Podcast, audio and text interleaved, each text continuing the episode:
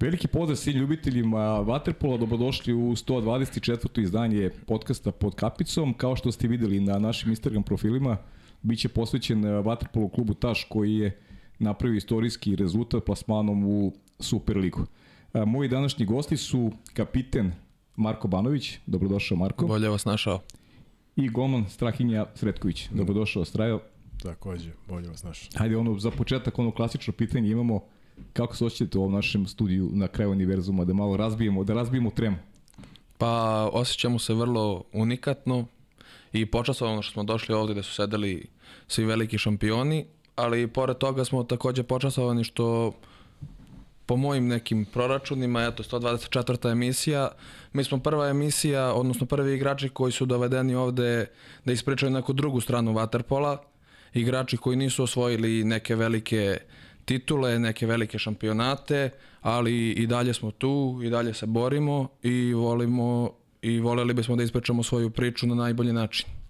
Hvala puno Marko Dom, o, ovo je trebao moj uvod da bude, ali hvala ti što si ovaj što si to pre uradio ovaj umesto mene. E, strajo, ajde neki neki tvoj utisak, ajde za početak i e, ambijent u, u kome sedimo, ovaj koliko ti prija? Apsolutno mi prija fotelja u kojoj ja sedim se bukvalno mi je dočarala i sa kompletan ovaj ambijent ove ljude koji su pre mene gostovali tako da je ozbiljno velika čast meni da gostujem ovde. Ovaj čuo sam po prošlom gostu, odnosno Vuksanoviću, da ste ljubitelji rock muzike, tako da meni, meni izuzetno ovo prija. Video sam kolekciju kapica vrhunskih klubova, tako da mislim da će ovo biti jedno interesantno druženje. Ne, bit će sigurno interesantno i baš mi je drago da ste tu i drago mi je što uh, ovo je neki poziv i, i, i svima, svima vama koji eto ste sa te, ajde da kažem, druge strane medalje, jer nije vaterpolo samo one najlepše moguće priče ispričane, već postoji i ta druga strana medalje koje, koju je pomenuo Marko, ali lepša strana cele priče ono što se dogodilo u prethodnih, ajde da kažem, 15 dana, možda malo više, kada je ekipa Taša uspela da se plasira u Superligu. I to je povod i za gostovanje ovih e, divnih ljudi i ajde sada za početak vi se dogovorite kojim redom da malo ovaj prepričate sezonu, da li ste očekivali e, ovakav rezultat i šta su te neke prelomne tačke sa izuzetkom one one čuvene utakmice sa starim gradom o kome se o kome se u kome se mnogo priča. Evo, mogu ja da počnem. Može, Marko. Pa sezona je počela na ne baš najbolji način zato što ja sam evo u klubu drugu godinu i na kraju prošle godine suštinski cela ekipa je otišla u neke druge klubove ili u neke druge vode kao što su trenerske i naš pomoćni trener ovogodišnji je prošlogodišnji igrač. Tako da u avgustu, sredinom avgusta, samo tri igrača su ostala u ekipi i onda od tog nekog momenta, od sredine avgusta pa nadalje smo tek počeli da formiramo ekipu redom. Dolazili su igrači iz Beograda zbog te sinergije četiri kluba, došao je i Straja takođe, došao je i Andrejko iz Zemuna, kojeg isto Waterpolo svet vrlo dobro poznaje. I da se ne ljute drugi ljudi ako nekoga nisam pomenuo, ali polako se napravila neka ekipa i postojala je realna ambicija da se osvoji prva liga i da se kvalifikujemo u tu super ligu, ali naravno i znali smo i bili smo svesni da zbog drugih nekih obaveza, pošto naša ekipa ovaj sport pre svega igra iz ljubavi, bez ikakvog nekog materijalnog motiva, nego čisto ljubav i zadovoljstvo, Znali smo da će to biti vrlo teško.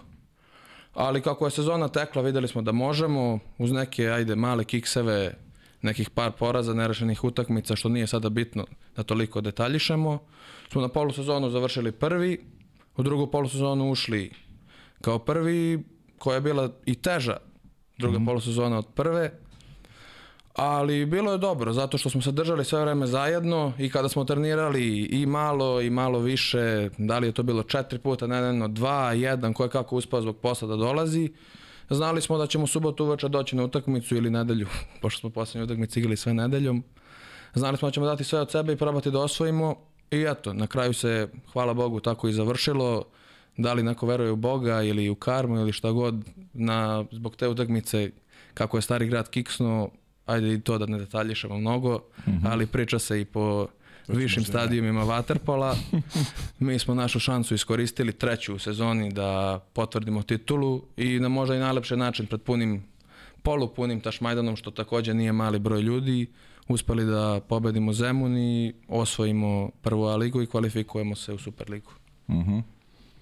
Šta je, šta je stravi iz tvoje neke, neke tačke ovaj, bilo presudne o, ove sezone, da ne pričamo sad o tom kiksu starog grada, nego uh, ajde da, da, da se osvrnemo na, na, na tvoju ekipu. Pa, presudno. Prvo, sklopljena ekipa, tri nedelje pred početak prvenstva ne može da bude garant za neki vanserijski uspeh. Da li to drug, B liga, A liga ili Super liga, jednostavno to ne funkcioniše u sportu tako. Mm. Ekipski, ekipni sport ovaj, ne trpi tako kasno okupljanje pogotovo ne vaterpolo, fizička sprema je u, u vodi specifično, to svi znaju, toliko dugo vodiš ovaj podcast da se već i postao malo trener, da, da poznaješ pojmove fizičke spreme. Međutim, ovaj, dosta tih igrača koji je došlo u Taš je mm, na, praktično imalo, posjedovalo neku bazu, neku fizičku spremu koju je od ranije imalo Andrejević, Aleksandar je vrhunski igrač koji igra u Partizanu. I, i u Zemunu je takođe, kako smo ja i on nastupali zajedno, imao jako dobre partije, vrlo, vrlo jedan kompaktan igrač. Marko Banović takođe posjeduje bazu iz, iz Partizana, dalje, evo ja sam dvodecenijsko iskustvo igranja vaterpola, čak i u ovom sistemu je meni dovoljno 2-3 trening, 4 treninga. Tako da su ne, svi prognozirali da ćemo mi, stari grad, biti u prve dve ekipe. Nije bilo nerealno to, ali po meni je bilo preoptimistično u startu to očekivati. Prve utakmice nisu pokazale da smo mi mm. na tom putu, zato što su ekipe protiv koje smo igrali u svako dužno poštovanje i mladosti i Bečeja, ovaj, pokazale svu, svu ranjivost tog kasnog okupljenja. Tako da je to ovaj, tek posle dolazilo kako smo, kako smo se o više okupljali, kako smo više trenirali zajedno, igrali zajedno, rezultati su bili sve bolji. I svi mediji su objašnjavali to kako je stari grad, ta ekipa koja je praktično okupljena da bi osvojila Superligu, oni do tri kola pred kraja nisu uopšte bili prvi, uh mhm. -huh. bez obzira to i Nikola, tvoj stručni sagovornik, da. dobro zna. I ovaj, taj kiks koji se desio jeste praktično presedan u Waterpolu da za 9, da 9 sekundi uspete da primite dva gola, to je nam otvorilo vrata Superlige, mi smo odradili šta je do nas i ušli u Superligu. To je, to je epilog cele, cele sezone. Praktično smo imali sve pobede, tri poraza od Zemuna, Starog grada i Bečeja i jednu nerešenu utakmicu protiv Žaka kod kuće. To je jedina utakmica gde smo mi remizirali. Uh mhm. -huh. Sve ostale su bile pobede, znači recept sa Superligu, sad idemo dalje. Tako je. Ti si, ti si započinu temu koja je vrlo interesantna, vezano je za, za činjenicu da vi to radite iz ljubavi, iz nekog entuzijazma. Da li je dovoljna samo ta ljubav za, za entuzijazam, za igranje u Super ligi s obzirom da imate i svoje poslove. E, šta očekuješ? Da li, da li može ovo nešto da promeni e, kada pričamo o nekoj percepciji pogleda, sad ne znam kojih to ljudi, neću ni, ni u koga da upirem prstom, ali e, trebao bi odnos prema Superligašu od, ne znam, nekih struktura, sad kažem, da ulazimo u detalje, treba bi da bude malo drugačiji. Kad, je, kad neko kaže Superliga, to je nešto što najbolje, tako? Tako je. Sad, kak, šta može tu da se promeni, šta očekuješ da će se dogoditi u toj pripremi za Superligu? Pa šta može ili šta mora da se da. dogodi, da. a činjenica je da mora, ne bih ni ja sada mnogo pričao o tome jer nije na meni da o tome pričam, mm -hmm. ali jeste činjenica da od uprave kluba i stručnog štaba, pa i nas igrača, i to ne samo Vaterpolo kluba Taš, nego i čitavog sportskog centra Tašmajdan i te Vaterpolo akademije Tašmajdan o kojoj ćemo pričati kasnije, uh mhm. -huh. mora da se promene neki stavovi i da se napravi neki sistem i neki recept za igru te Super lige, a opet da taj Vaterpolo klub Taš ne izgubi svoju dušu uh mhm. -huh. i ono zašto je i oformljen te 2009. godine i zato, i zato je i napravio taj uspeh za suštinski neki mali broj godina, ali od sledeće godine da, morat će da se naprave neke drastične razlike, ako to bude moguće, bit će super, ako ne, svakako nije na nama da mislimo o tome, pa ćemo videti šta će vreme pokazati. -huh. E, Strajo, kakav je život profesionalca, a, a da opet profesionalca, nekoga ko treba da živi od vaterpola, a u suštini ima i drugi posao, ima i neke druge obaveze, treba da prehrani porodicu, a sport kojim se bavi mu to ne omogućuje. A opet ti si sada opet, ok, pričamo kasnije o tvojoj karijeri, pričamo o aktualnom trutku, ti si sada super ligaš. a imaš posao, ozbiljan posao koji se, kojim se baviš i pored vaterpolo karijere? Pa ovako, to je jedno planiranje vremena. Po meni uh, i naravno da imate podršku kod kuće. To je najbitnija stvar jer ja sam stomatolog. Ovo, ovo, ovom prilikom i zahvaljujem se svojoj firmi Medigru koja mi je dozvolila uopšte da gostujem mm -hmm. kod tebe i moj direktor, direktorki Danki Grudić na ovom gostovanju. Jednostavno, uh, morate, morate da imate podršku prvenstveno kod kuće, drugo, firme u kojoj radite, treće, da budete psihički, fizički spremni, da to vreme koje imate ovaj provedete kvalitetno na poslu, kvalitetno u bazenu. Mm, ja to uspevam da postignem već pa skoro 6 ili 7 godina od, od momenta kada sam se vratio iz Mađarske. Znači, uh mhm. -huh. moguće, samo treba stvarno da budete ono, maksimalno organizovani, da što manje imate nekog praznog hoda, da koristite za odmor i naravno da, da što više ovaj, pazite svoje telo da se eventualno ne bi povredili i, i tako dalje. Može, moguće, vrlo je moguće, samo ovaj morate mnogo da mislite. Mhm. -huh. o svim aspektima u toku dana, kako, kako ćete, kada ćete da jedete, kada ćete da radite, kada ćete da se odmorite. Ovaj, teško je, ali, ali izvodljivo. Evo, ja sam dokaz da to je izvodljivo. Mhm. -huh.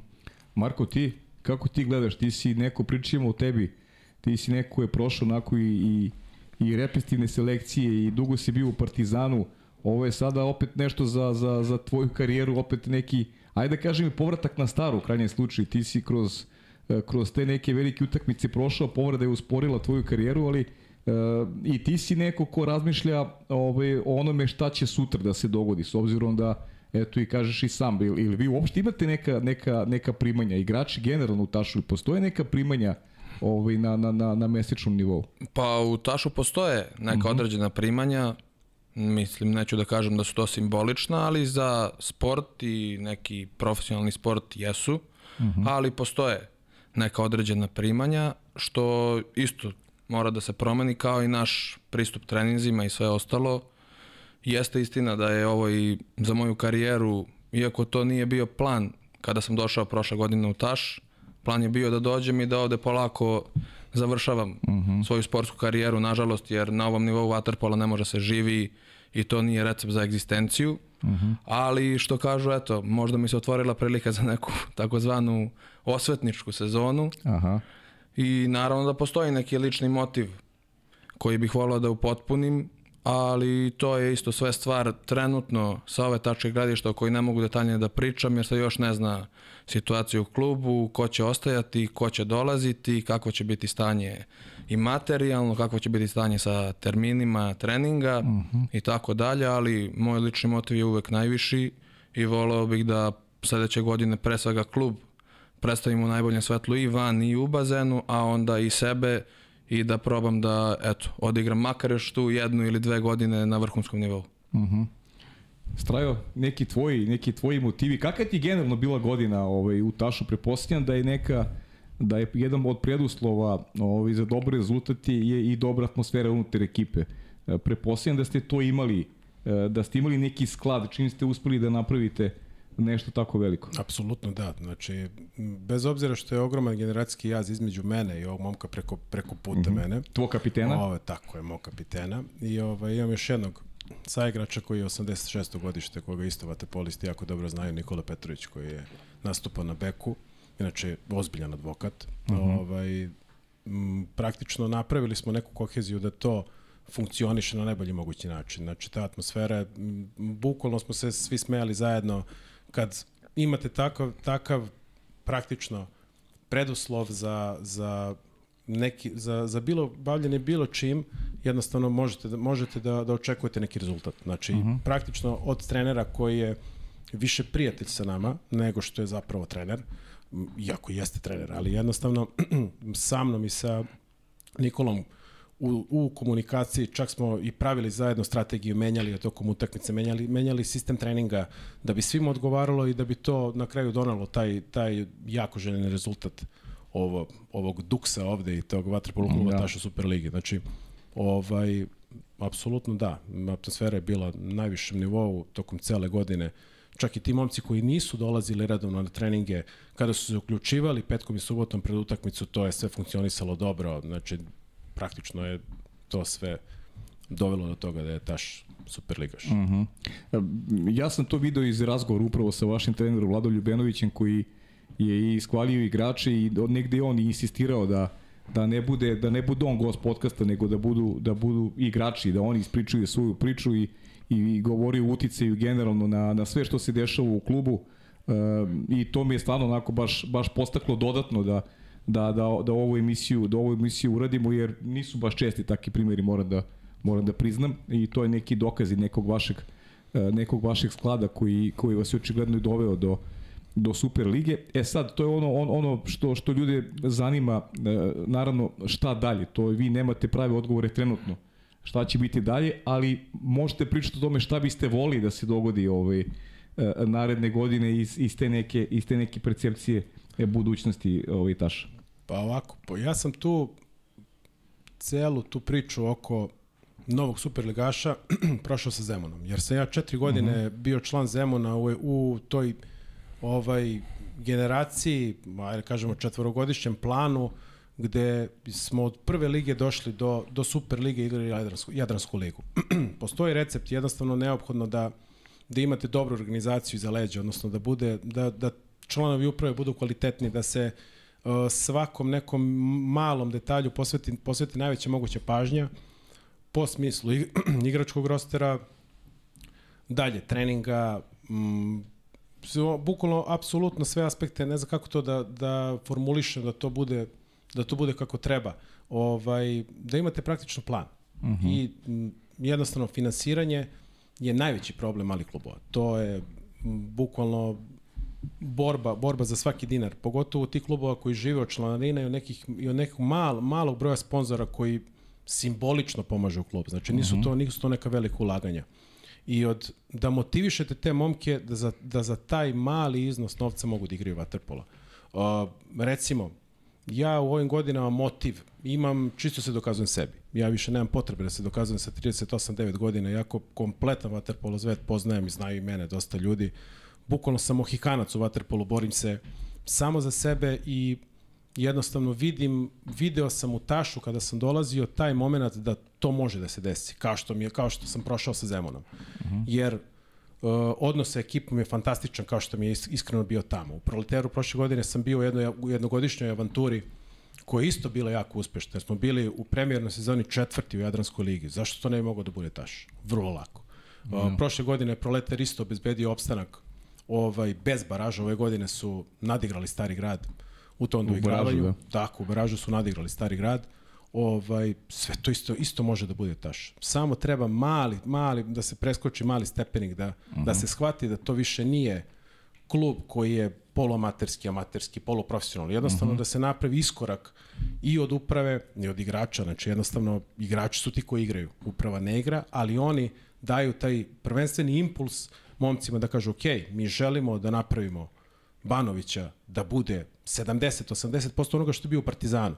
Pa će mhm. -huh. možda sutra ba, Banu da uzme neki ozbiljniji klub i da to bude uspeh Taša što je uspeo da vrati takvog igrača na, na ozbiljnu vat, na, na da mu produži karijeru praktično. Da mu praktično produži karijeru, karijeru ovaj, i da jednostavno Bana kaže ok, ja, ja opet mogu da možda živim od vaterpola, možda i ne, jednostavno ja to nisam odlučio za sebe jer moji roditelji su bili prvenstveno škola, pa sve mhm. -huh. ostalo.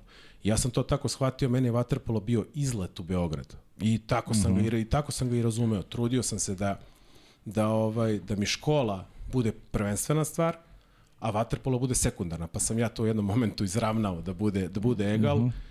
Može to da se da se radi, opet pričam sa onom logistikom od malopre, ali jednostavno ja smatram da taš sa minimalnim nekim naporima može da bude lagano, bez ikakvih problema superligaš i da pravi neke, neke nove vaterpoliste ili da vraća vaterpoliste kao što je Marko Banović uh -huh. na mhm. ozbiljnu vaterpolu cenu.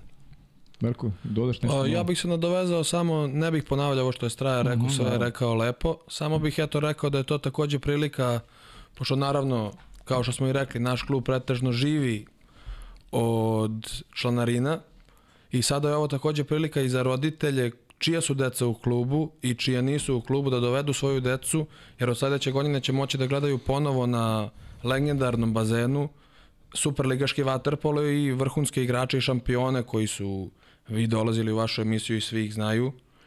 I to je jedna vrlo lepa priča i ta je druga strana naše titule, što mi nismo samo omogućili Vaterpolo klubu Taš i nama da igramo tu Superligu, nego i toj deci da gledaju vrhunski nivo Vaterpola i da dobiju neki motiv da postanu kao neki od tih velikih šampiona. Bravo, to je super poruka, eto da i najbolji poziv, ja upućujem takođe ovde javni apel za decu koja pogotovo žive tu u užem centru grada, koja su e, kojima je onako to šmajdin maltene kao, kao kuća da upišu decu vaterpolu klubu Taši, jer stvarno je sada menja se apsolutno percepcija kluba.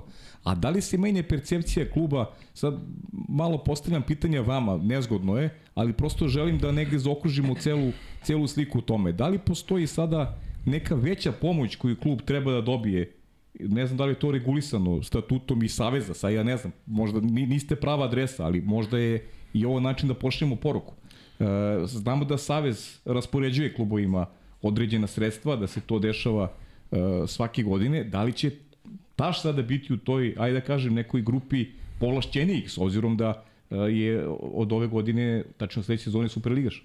Pa ja iskreno pretpostavljam da hoće, jer su drastične razlike u primanjima od B lige, mislim u davanjima, nisu to mhm. -huh. primanja, to su praktično davanja, od B lige do A lige i Super lige.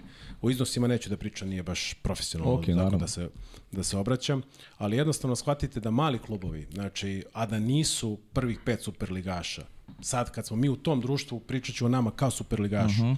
ovaj, jednostavno žive od novca koji dobijaju od države, kao pomoć države to jednostavno finansira i putovanja koje uopšte nisu jeftine u Jadranskoj ligi, o, finansira praktično termine, ajde do nekle, pošto m, praktično svi klubovi u Srbiji dobijaju termine od opština na gradu na kojem su prijavljeni. To se tako raspoređuje, to nije opet moj reon, ali toliko sam dugo u Waterpolu da poznajem pojmove Jasne. kako to, na koji način to funkcioniše. I ovaj, to zapravo može da pruži finansijsku stabilnost klubu da opstane toj sezoni.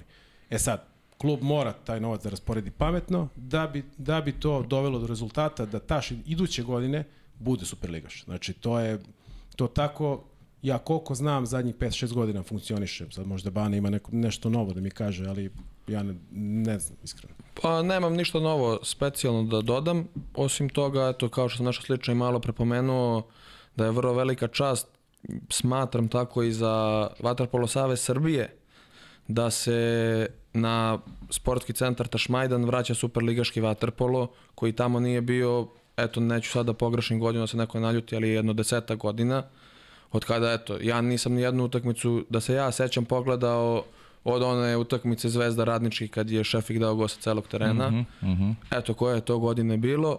Eto tada Waterpola Superligaškog nije bilo i smatram da je to dovoljan poziv i za Waterpolo Savez ili bilo koga ko je u stanju da, ne da kažemo pomogne klubu, nego da finansira klub na određeni način, da to uradi i zbog sebe i zbog nas.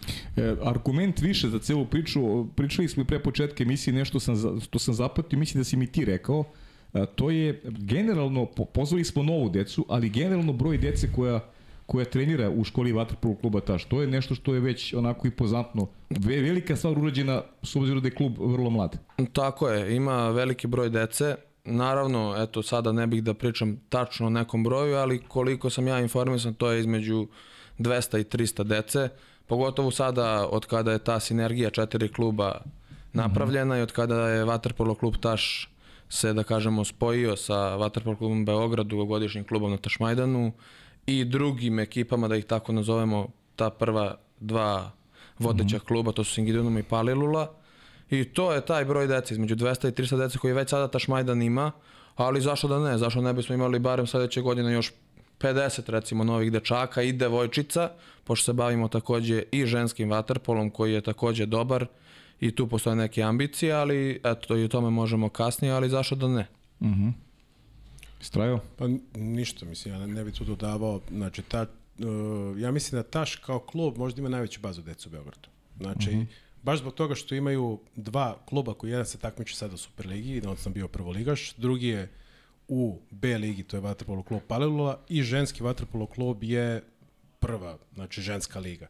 Tako da prostora u im, ima za decu i, i, i toliko kategorija izdeljeno, čak mi imamo u okviru vaterpolo kluba Taš imamo malu ligu Taš, gde se, gde se deca kombinuju igraju devojčice protiv dečaka, znači bukvalno sve moguće kategorije prave se takmičenje da bi to deci bilo interesantno. Znači da ne bude vaterpolo samo suoparno plivanje i eventualno, ne znam, neki dodir sa loptom, nego da se tu deca igraju. Jer ja vaterpolo smatram, iako je to danas totalno verovatno zapostavljena, zapostavljena teorija, ali da deca do recimo 11. 12. godine treba da se igraju vaterpola, da ih tek onda uključivati u neki ozbiljan rad. A to mislim da taš radi, jer ima ogroman broj ljudi koji se bave decom. Znači, bukvalno bivši, tren, bivši igrači i sadašnji igrači su treneri u Tašu. Tu je Mihajlo Radovanović Miksa, Tomislav Ćirić, tu je Ognjen Jovanić, oni su svi igrači, Vlado Ljubenović isto igrač. Znači, Miloš Uberić. Da, Miloš Uberić isto naš saigrač koji je igrao u Zvezdi, inače uh mhm. -huh. Waterpolo. Ovaj, svi su oni treneri i kao takvi motivišu decu da se bave sportom i sutra će neko dete, čak je jedno, jedan mali, da baš da, da to navedem, ne, Lazar Lojković se zove, klinac koji je, me je pozvao, znači došao kod mene kao pacijent, uopšte se nisam setio da je on, da je on uopšte član Taša dok nisam ukapirao, pa da, on je mene gledao dok se ja igrao utakmicu i onda je čuo da sam ja stomatolog i onda je došao kod mene, uh mhm. -huh. medigu da popravi zube. Sve to može da se napravi da bude, da bude, mnogo, do, da bude mnogo dobar klubić koji već jeste, ali da se napravi da bude još veći, još bolji, i ovaj da se omasovi vaterpol u Srbiji jer smatram da ovo treba da bude sport od nacionalnog značaja. Ovoliko medalja, ovoliko ljudi koje ste koje ste poseti, koje vas je posetio ovde u podcastu, ja mislim da nema ni jedna država, možda Mađarska ima, a čak mislim da nemaju ni oni. Znači, dva vezana olimpijska zlata, 120 ljudi koji su, ne znam, zadužili ovaj sport, zadužili ovu zemlju sa tolikim medaljama, pa zaslužuje taj sport, to što, to što sam ja naveo. Dobro, i vi zaslužujete sada kao klub da, da da se stvari promene i e, sada prolazite kroz, kroz taj neki, ajde da kažem, tranzicioni period, jer e, vi ste svojim rezultatom prosto naterali ove ljude koji vode klub da sada drugačije postave stvari, da drugačije razmišljaju, jer, jer ovo je sada prilika za taj neki iskaruk, iskorak, za, za nešto što će biti stabilnost. Ne mora uvek da bude nešto, neka ambicija da bude vrhunski rezultat, ali, ali da bude onako promocija dece koja tamo treniraju, da bude promocija kluba u smislu neke, neke stabilnosti i, i konstantnog prijema novih članova i u krajnjem slučaju gledanje vrhunskog vaterpola Tašmajdena, ono što si, što si ti Marko naveo. Tako je, tako je, slažem se u potpunosti, eto, verovatno će slušati ovaj podcast sada, pa i neka se članovi uprave kluba naprave što pre taj plan, da što pre krenemo i u realizaciju tog plana. Nadam se da već postoji, ali eto, to je to što se tiče te teme od mene. Kakav da. si pritisak naveo za upravo? Pa pritisak, da, nabaci mi pritisak na pleće. Dobro, ja sam ga naveo do duše. Da. Nemojte Marka, ovo ja sam, ja sam naveo na priču. e, a ljudi, ovaj, šta sam, šta sam još teo vezano, vezano za, kako se borite sa terminima? Taš je, ovaj, Taš je jedno kultno mesto, ima tu ovaj, dosta i drugih sportova i e, ili vi redovno imate ono dva puta dnevno treninge ili je to malo ili je to malo drugačije, a? Pa u našem slučaju je to malo drugačije. Mm -hmm. Zbog svega što smo do sada ispričali i zbog Jasne. sistema, da nazovemo sistemom i načinom naših treninga. I neki termini određeni ujutro i postoje, oni jesu po sat vremena, ali postoje i naši drugi klubovi u tom sklopu sportskog centra treniraju nekada i dva puta dnevno, ali to su uglavnom neki uh, određeni termini koji su nama dozvoljeni kao prvom timu da dolazimo na bazen zbog samog broja i dece i drugih sportova, tu postoji i skokovi u vodu i ah, ne znam, akva, biki, dolaze i penzioneri, imaju dva termina dnevno, znači bazen, bazen je baš krcat po ceo dan i to ko se pita da li generalni direktor bazena ili ko se o tome pita, ja ne znam, ali oni određuju neku šemu ko će i kada dolaziti i mi to moramo da poštujemo. Mhm. Uh -huh. Pa, nemam šta ja da dodam. To je, Mislim, to. to je, to je jednostavno 10 klubova postoji. Računajte ova četiri vaterpolo kluba, jedan plivački klub postoji, skokovi u vodu, ja mislim da je prošle godine sam video, viđao, viđao i onaj podvodni hokej, kako vuku onaj pak po dnu. Znači, to je ozbiljna logistika koju, koju mora da napravi. Ja se divim tom čoveku koji pravi tabelu kad ko trenira.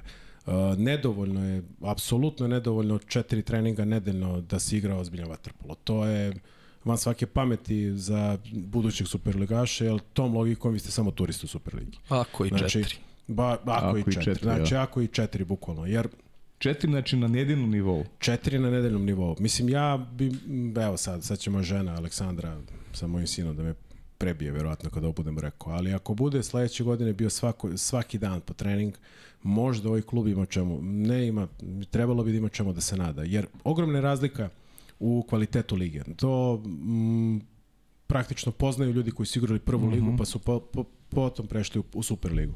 To podrazumeva da vi imate praktično uh, četiri ekipe protiv koje možete da se takmičite. Znači, razlika, recimo, Novi Beograd, Zvezda, Partizan, Radnički, ovaj, Šabac, Šabac. sada koji je postao stravičan centar, vaterpolo centar, za mlađe kategorije neverovatan centar, mm -hmm. bio vam je Nemanja Ličanin pa je pričao o tome.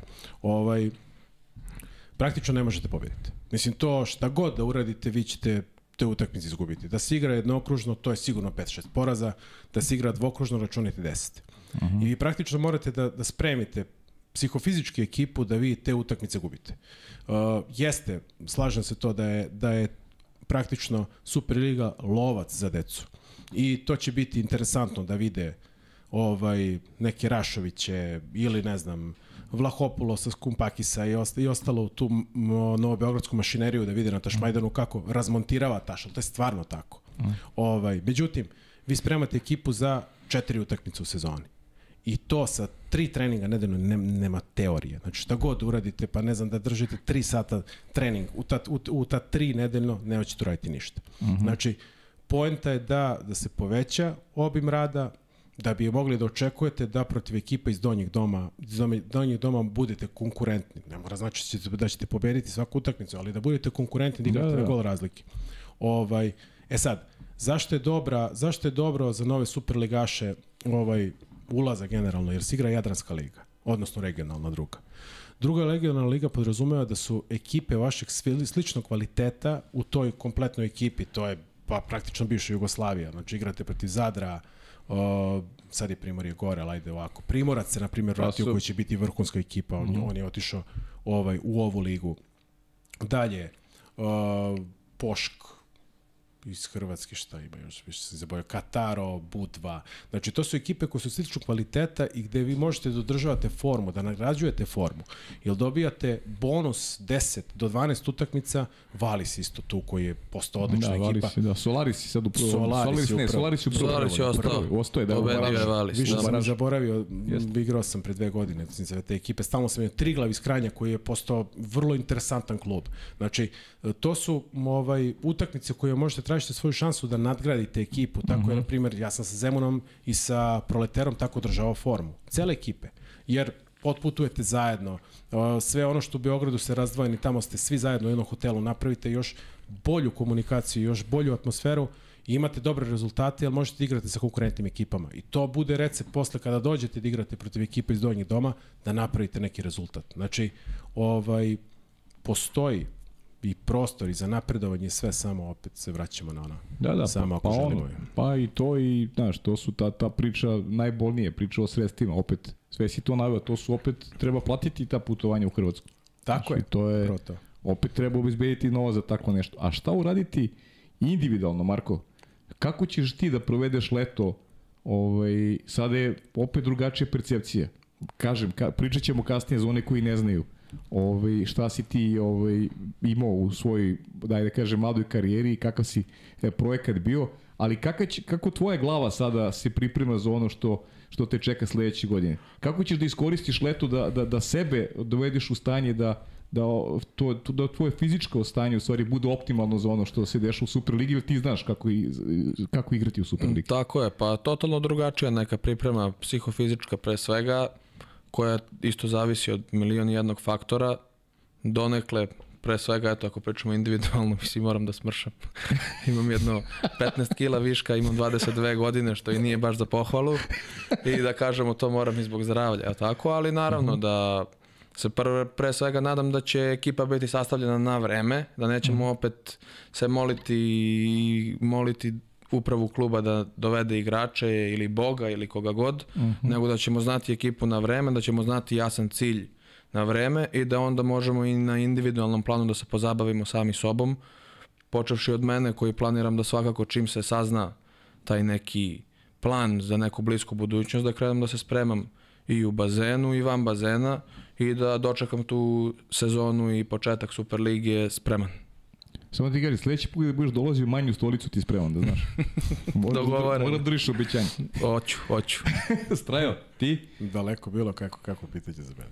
Ovaj, sreća pa kad dođete u poznije godine, Mhm, jasno. malo poznije godine, Da, da, kapiram. ovo, imate konstantnu kilažu. Znači, meni je otprilike, evo, od, ka, od kad se završila Superliga, o, o izvinjam se, prva liga, Prva liga, dobro. ovaj, otišlo je 3 kile gore. Jednostavno, to je ok, ja, ja sam našao neko, ne, neki svoj modus operandi kako mi organizam funkcioniše, ali ovaj, svakako uh, meni posao iziskuje dosta trošenja vremena, tako da što, ga je, što je Bana naveo, ukoliko budemo znali ranije plan rada, ja ću verovatno da se uteram u teretanu i, ovaj, i povremeno plivanje, pošto mi kao Vatrpolo klub Taš imamo doz, dozvolu da dolazimo na bazen kad želimo tokom, tokom leta. Znači mi imamo termine preko cele godine, jer sada kreću takmičenje mlađe kategorije, tako da ćemo verovatno negde u nekom, u nekom vremenu skočiti u bazen, jer bazen je specifična sredina, kao što sam rekao, ako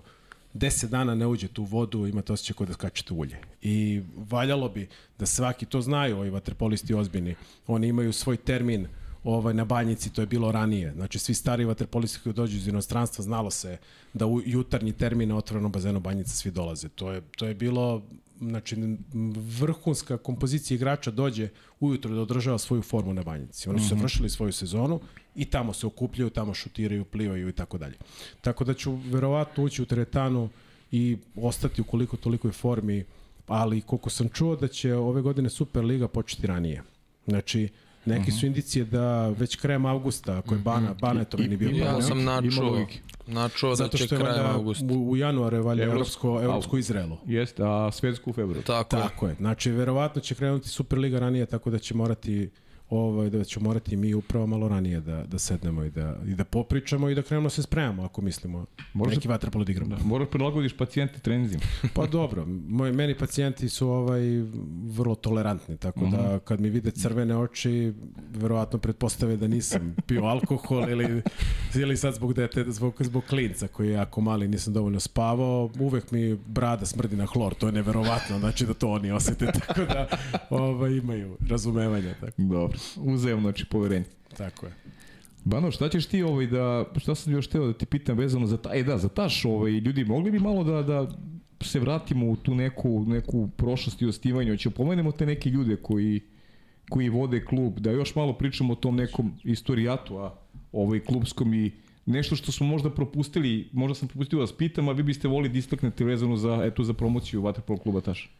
Pa ovako, koliko je meni sportski direktor naš preneo, no, ovaj, ja znam od 2014. kada sam prvi put bio član Taša, ali informacije sledeće, da je Taš kao klub od, kako već, 2008. ili ranije, Jeste, mislim 2008. da, da je postao praktično kao uh, re, bukvalno rekreativni klub za članove koji su koji nisu imali pro, prostora da treniraju vaterpolo klub Beograd jer je Beograd uh, kao vaterpolo klub ozbiljna institucija znači vrlo je vrlo m, dobro napravljen sistem koji izbacio ozbiljne ozbiljne igrače. To smo pričali i ranije. Ti i ja, tu je Ivan Basara, tu je Marko Pet, Petković, pa ne znam, uh, Jogi Vukićević. Znači, to su sve igrači koji su ponikli iz Beograda i taj Beograd imao i kadrovski vrhunski vrhunsku postavu koja Nemanja se Ubović. bavila Nemanja Ubovića da je Braća. Rašović. Braću Rašovića i tako dalje tako da znači ne može da se navede koliko ljudi igralo igralo dobar vaterpolo i onda su oni bukvalno taj ti momci koji nisu mogli da nađu prostor u Beogradu kao prelazili mu kao Beograd 2, pošto ih Vaterpolo Savez nije prihvatao kao, kao Vaterpolo klub, nego kao neko udruženje, ovaj, Uh, oni su tu nešto obitavali oko Tašmajdana i ne znam koje godine pričao mi je ovaj Miloš Fujanac, naš logističar i sportski direktor, valjda se de, desio se pad krova na Tašmajdanu. Uh -huh. I, od, I te godine, ne, to je bilo ranije, onda po klub stoji, postoji 14 godina, onda je to bilo mnogo ranije. I ovaj, onda su te godine uh, dovukli Vladu Ljubenovića koji iz Italije kao, kao igrač ovaj, se vratio m, pod vođstvom Vlada Ivanovića koji je tada bio taj, ta logistika za, za taj Beograd 2 uh, Vlada Ljubenović i uh, Braca Perišić to je, uh -huh. to je naš predsednik kluba koji je rođeni brat od, od Miće Perišića. Uh -huh. I, ovaj, I Miloš Vujanac su napravili kao, kao vaterpolo klub Taš koji je primljen 2000, koje je 8. ili 9. je primljen kao u društvo, tako je, 2009. Ovaj, primljen u Vaterpolo Save Srbije, od tog momenta se oni takmiče ovaj, kao taš, nastupali su dve ili tri godine kroz letnju ligu, da bi o, iz letnje lige obezbedili plasman u prvu B ligu, tu su igrali dve, dve ili tri godine, znači ne znam podatke, čuo sam sve, ali mi je mnogo, uh, mnogo sam dobio informacije brzo, tako da ne mogu da ih procesuiram. Aha, okay. I ovaj, dugo godina su bili prvoligaš, ja sam se recimo iz Mađarski Senteša vratio 2015. ili 16. za više ne znam.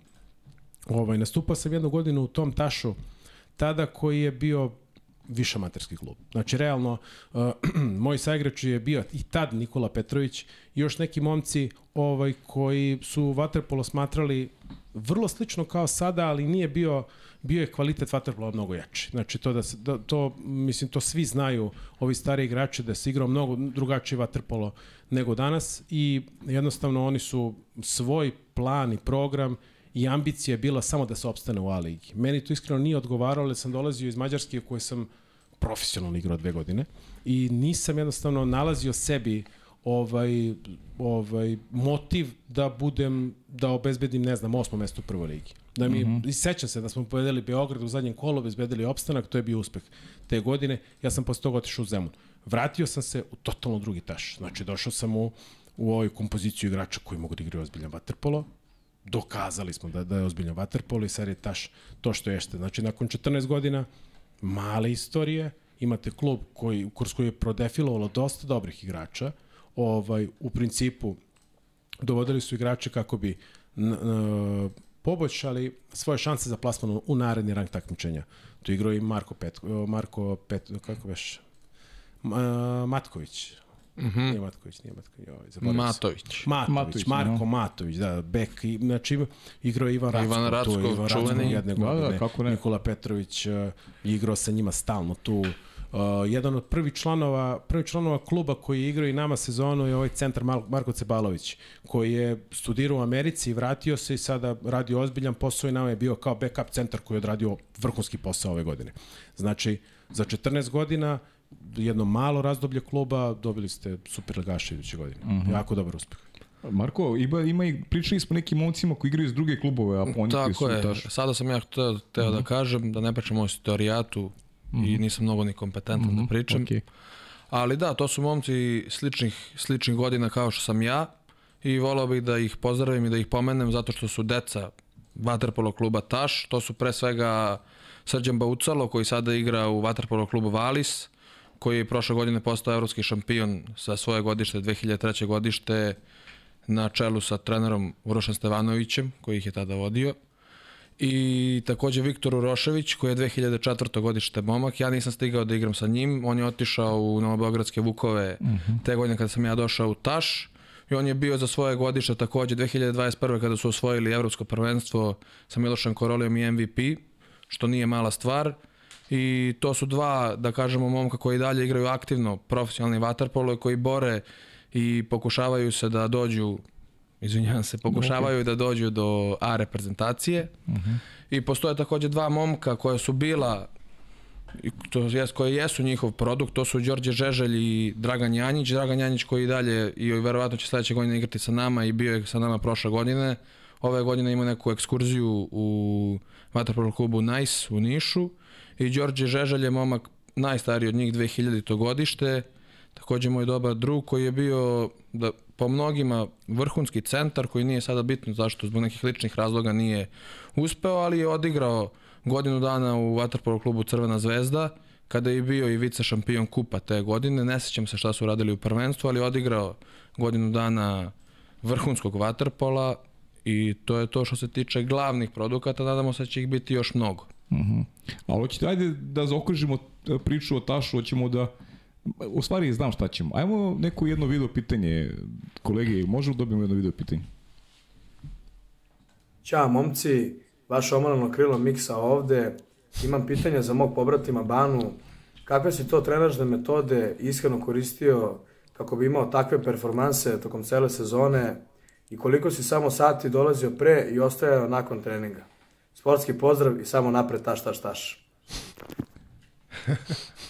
Pa evo, prvo veliki pozdrav za pobratim Mihajla Radovanovića Miksu. I eto, na konto one moje priče od malo pre, kakva je bila ishrana i suplementacija kada imam 15 kila viška, možete da zamislite. I to je ovo baš pitanje, mislim, šaljivo karaktera, ali baš i pokazatelj kakva je bila godina. Znači, pre svega smo se družili, igrali ovaj sport u, u, iz ljubavi, osvojili na neki način, eto, malo i nesvakidašnji sa tih par treninga nedeljno, uh -huh. sa mnogo kila viška i tako dalje. Ali eto, to je to na pitanje Mihajla Radovanovića Mikse. Da, i to je neka poruka da ovaj, sledeće godine ne sme da bude kilograma viška i da mora bude popuno sve drugačiji, jer, jer obavezujuće i ta Jadranska liga, ovaj, A2 Jadranska liga, gde ćete imati utakmici proti klubova i iz Hrvatske i Crne Gore i jedan onako iskorak u, u afirmaciji kluba apsolutni. Pitanje za mene, apsolutno. Pa mislim, konstatacija mislim, više, ali eto. Pa dobro, rekao sam to malo pre. Je, jeste iskorak, ozbiljan mm. iskorak. To je isto bilo, meni je bilo kuriozitet interesantno kada smo sa Zemunom obezbedili Jadransku ligu. Znači, ne pričam sada o Tašu, mislim, vrlo je, analogija i će biti pre, pre, praktično ista. Uh mhm. -huh. ovaj, igralo se na šalatama protiv Medveščaka prvo kolo. Došli mi u, u onom zeleno teget, ono kombinezonu, pada kiša, neka katastrofa od vremena, kao, ne znam, svetice su bile zatvorene, re, renoviraju se, mi dolazimo, Hrvati se pitaju, kaže, pa kaže, Zemun. Kad nisu čuli ni videli, ne znam šta je, kaže. I neki, kaže, stari Hrvat, kaže, ma kaže, to su naši, kaže, to je, kaže, bila, kaže, Hrvatska, kaže, do, do Zemuna, kaže, do Dunava, kao. Tako da, mora, treba malo vremena za, za afirmaciju kluba generalno, ali verujte mi, ako, kad budu videli ovog bez, 10-15 kg manje kako bude igrao vaterpolo, vidjet ćete kako će to da izgleda. Dru, druga priča. Druga, druga pesma, tako. E, hoćemo da hoćemo pomenemo malo igrači još iz, iz ovog aktualnog tima da vi ste ovde koji predstavljate i njih. Pa ajde da da da po imence negde i kažemo ko su ti momci koji su ovaj e, pogurali taž do Superlige. Pa naravno, evo, ako se sla, straju slažeš, ja bih pomenuo uh mhm. -huh. sve momke u toj ekipi, eto, ako ćemo redno, pomenuo bih pre svega te takozvane starosedeoce, znači Nikolu Petrovića, našeg beka, koga mnogi znaju, i Mihala Radovanovića Miksu, koji sam se sada javio sa video pitanjem, od, e, koji su ostali ove godine i od prošle godine, pored mene, pomenuo bih, eto, svi slušate ga sada Strahinju Sretkovića, koji je došao kao golman i veliko, možda i najveće pojačanje ove godine, Aleksandra Andrejevića, koji je došao iz Zemuna, velikog igrača, Pomenuo bih momke iz Beograda koji su došli, braću Miloša i Jovana Šuberića, momke takođe iz Herceg Novo koji su igrali takođe super vaterpolo, pogotovo Miloš Levoruki koji igraju u prvom timu Crvene zvezde pod palicom Dejana Savića svojevremeno. E, pomenuo bih i Luku Šećerovića, takođe momka iz Beograda koji ceo život igra vaterpolo i bio nam je veliko pojačanje ove godine. Pomenuo bih, kao što je Stra rekao, Marka Cebalovića, čoveka koji je odigrao prvu utakmicu istoriji Taša u drugoj ligi i evo za sada ovu poslednju šampionsku u toj prvoj A ligi. Pomenuo bih našeg centra koji nam se priključio meni, to jest nama, prošle godine na polusezoni i ove godine na polusezoni kada je došao iz Izraela Aleksu Cvetkovića koji nam je dosta značio. Momki iz Starog grada koji su takođe došli nakon par kola, Ugljošu Ackovića i Luku Lazića našeg najmlađeg člana ekipe Vanju Plaveca, koji je golman mm -hmm. 2008. godište i kome je ovo, ja se nadam, bilo jedno lepo iskustvo.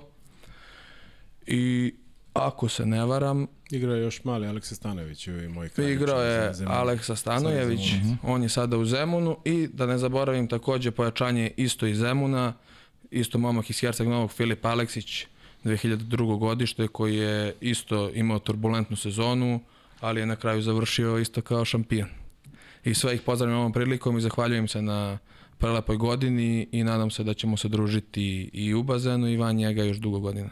Super, fenomenalno. Evo imamo, imamo fotografije, možda ih, možda ih bolje vidimo straje na ovom ovde ekranu. Ajde, može. Pošto, ovaj...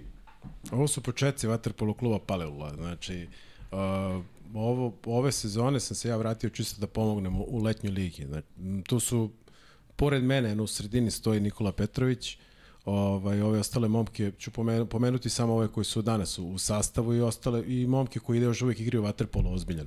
Uh, vidite ovu ovu glavu isto o, ozbi, ozbiljno ovaj Ćelavu, to je naš trener Vlada Ljubenović. Uh -huh. Pored njega prepoznate možda još uvijek je tada bio dete, ali to je Vuk Milović. Vuk Milović, da. Ovaj, prvo tima Crvene zvezde.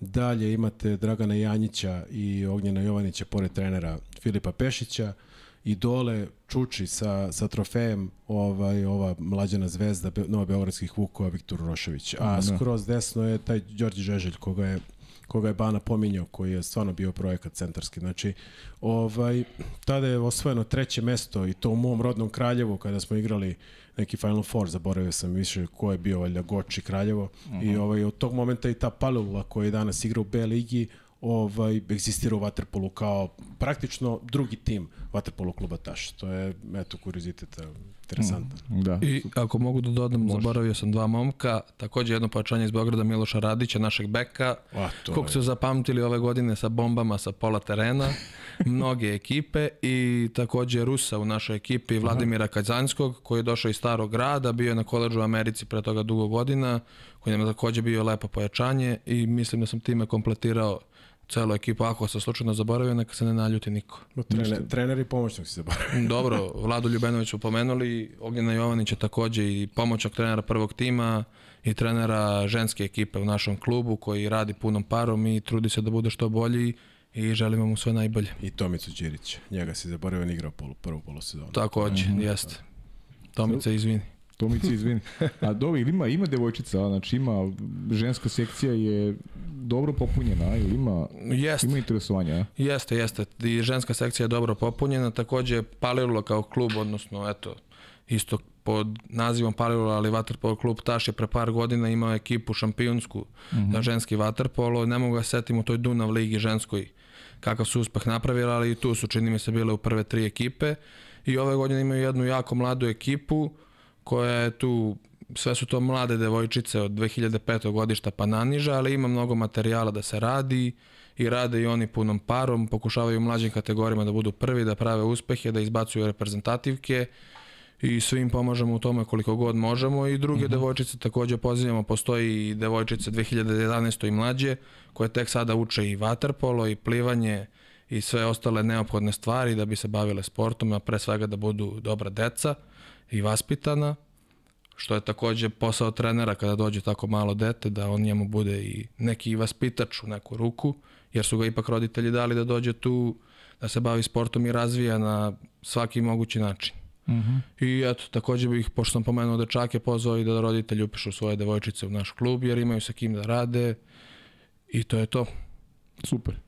Ljudi, ili smo zaokružili priču o, o Tašu? Imamo još nešto, kažemo, ili možda ćemo kroz emisiju još, evo ima još neke fotografije ovde koje, koje nam pušta ovaj, Irena. Eto, ima i taj Mihajlo Sarić, mama, koji je takođe bio... Ja smo zaboravili. Da, jesmo, zaboravili smo ga, jesmo. On je bio takođe drugi centar ekipe, koji je nekad bio i prvi centar i odradio na nekim utakmicama kada smo svi stajali i ne radili ništa, odradio je fantastičan posao. I eto, izvinjavam mu se i zahvaljujem se ovom prilikom i njemu. Ovo je ta mhm. slika sa poslednje utakmice kad smo pobedili Zemun. Je tako, to je, ovaj, kad to, smo to, saznali, to je za promo, to je promocija. Da smo, da smo u Super ligi. Ču, ne znam, jel dan pre, kako je Bano beše bilo? Jel dan pre Stari grad? Da, u subotu da, ujutro da, je Stari grad odigrao svoju čuvenu utakmicu i u nedelju uveče Eto, napisala se ne, neka stranica istorije negde. Pa jeste, napisala jest. se baš ozbiljna stranica istorije, da. Da, kuriozitet što smo ovu, što je ovaj, uh, ove godine Superliga bila, bila takva da su se tri kluba borila za, za plasman za Superligu. Znači, mm. mi jesmo tokom cele sezone bili, ajde, konstantno prvi do, do tri kola pred kraj. Ali tu se taj moj bivši Zemun ušunjao u borbu i on mm. je bukvalno svivom vodu zamutio sa, sa svojim dobrim partijama. Uh, tako da je zadnje kolo donalo takav trile da je praktično stari grad mogao da ide ili direktno u Superligu ili samo u baraž, Taš je mogao kao pobednik da ode samo samo kao, samo kao šampion, znači nije mogao kroz baraž, a Zemun je mogao samo u baraž. I tako se napravilo da je Stari grad izgubio, mi pobedili Zemun, mi otišli direktno, ovaj, taš, ovaj Stari grad otišao u baraž. Znači, bukvalno ne sećam se godine kada su tri ekipe konkurisale za mogući plasman, odnosno direktan plasman u Superligu. Mhm. Bilo je to prošle godine ja mislim Vukovi kada su igrali, kada su Vukovi Valjevo bili toliko dominantno da su bili prvi i drugi, ovaj, sezonu pre toga, ali nikada tri ekipe nisu bili. I sledeće godine će prva liga opet, ja mislim, više biti interesantna ovaj, ljudima nego Superliga. Meni je to neverovatno da, da toliko sličnih ekipa igra, igra Waterpolo da su bili neverovatni rezultati, bukvalno kao engleska premier liga u futbolu. Poslednji može pobedni prvog. Znači, mm -hmm. a to u Waterpolo je jako teško. Mislim, mm -hmm da Taš pobedi Novi Beograd ili Radnički, pa to, to je da, ravno, ravno ludilo, ravno ludilo, brat. Ne, a, zato je i možda A Liga bila i gledanija ove godine Jest, od Super da. Lige, što je opet u neku ruku i poražavajuće. Neki naši prijatelji su nas gledali i drugovi i saigrači iz drugih ekipa i Super Lige, iz Partizana, Zvezda i tako dalje i baš su komentarisali kako je moguće da na vašim utakmicama bude ovoliko ljudi, a na nekim superligaškima ne bude ni približno ovaj broj ljudi i takođe bih eto i volao da kažem ljudima da ne gledaju Waterpolo samo kad je finale Lige šampiona, Final Four yes. kupa ili finale prvenstva, nego da ga gledaju čitave godine jer se momci trude čitave godine, ostavljaju što se kaže krvi znoj u bazenu i da ih podrže jer je stvarno to to je možda kliše izraz igrač više, ali stvarno jest. I kad dođu ljudi i vide neka su to i porodica i prijatelji i simpatizeri Waterpola, samo neka dođu i to će mnogo da znači igračima za njihov napredak. Lepo si rekao, lepa poruka i ono što ja stalno ističem ovde da, da generalno i ljudi iz Vaterpola su dosta krivi što slabo rade na, na popularizaciji i afirmaciji svog sporta i to je, to je gorući problem i mora se nađe neki sistem i, i pritom čini mi se da dužina utakmice nije ovaj, nešto se uradi, da polovreme duže traje, da se malo publika animira, da sadržaj onima koji dolaze bude bude prihvatljiviji. Ima ima mnogo segmenata na kojima treba da se uradi, a mislim da da postoji samo priča, a, a realizacija nekih ideja onako stoji negde u fiokama i i, i nije dobro. Š, š, zašto je zašto je A liga gledanija? Pa zato što je kvalitet izjednačeniji, pa ljudima interesantno gleda utakmice, nikom nije interesantno gleda uh, meč u kome se zna pobednik napred. I to mnogo napred. I mnogo napred. E, to je to je nešto što e to je nešto može publiku da vrati kad imaš i izjednačen kvalitet, ovaj onda dobijaš neku i bazu navijača, bazu navijača veću, ali znaš, na, nažalost ljudi mnogo i usko gledaju, gledaju lične interese, ne, nemaju percepciju pogleda te, te neke šire slike koje bi koje bi u stvari pomogla afirmaciji sporta, ali to je sad tema, ajde da ne ulazimo Ovaj, ja bih zamolio Renu da nam pusti drugo video pitanje i da mi pređemo na priču o vašim karijerama. Dobar dan i pozdrav svima u studiju kao i gledalcima podcasta. Prvo bih želio da iskoristim priliku da čestitam vaterpolistima Taša na velikom sportskom uspjehu, ali i da se zahvalim na mogućnosti da postavim Strahini par pitanja. Strajo, nadam se da si spreman. Prvo pitanje. Da li kao svježi tata vidiš u bazenu sina pod crvenom kapicom? Drugo pitanje, prisjećajući se naše zajedničke sezone u Mađarskoj, pitao bih te da li, da li dalje imaš istu želju za učenje mađarskog jezika kao i tada? I treće pitanje koje možda i, najčešće čuješ od mene jeste da li namjeravaš da se umoriš od aktivnog igranja vaterpola? Veliki pozdrav iz Hanovera još jednom. Hvala kume moj. Ovako, ovaj, prvo pitanje je bilo da li vidim sina pod crvenom kapicom? Apsolutno ne. To, ja ne znam kako sam ja uopšte došao do crvene kapice. Počeo sam u Kraljevu da, da treniram 93. godine, to je tada bio plivački vaterpolo klub Kraljevo koji je moj otac napravio i mene su dal zbog, zbog ili prsnog plivanja dobrog ili sporog plivanja stavili, stavili da budem golman. Znači, Uopšte to nisam volio, više sam volao da, da, da budem na centru, ali izgleda da, da je to... Evo ti se Evo jedna slika ovo iz Zemuna kad smo igrali protiv Šapca, to je bila strašna utakmica, gde smo za malo pobedili ovaj, Šabac, bilo 7-6, tako ili 8-7, zaboravio sam. Ovaj, u principu, uh, ne bi volao sin da, mi, da, da stane na gol.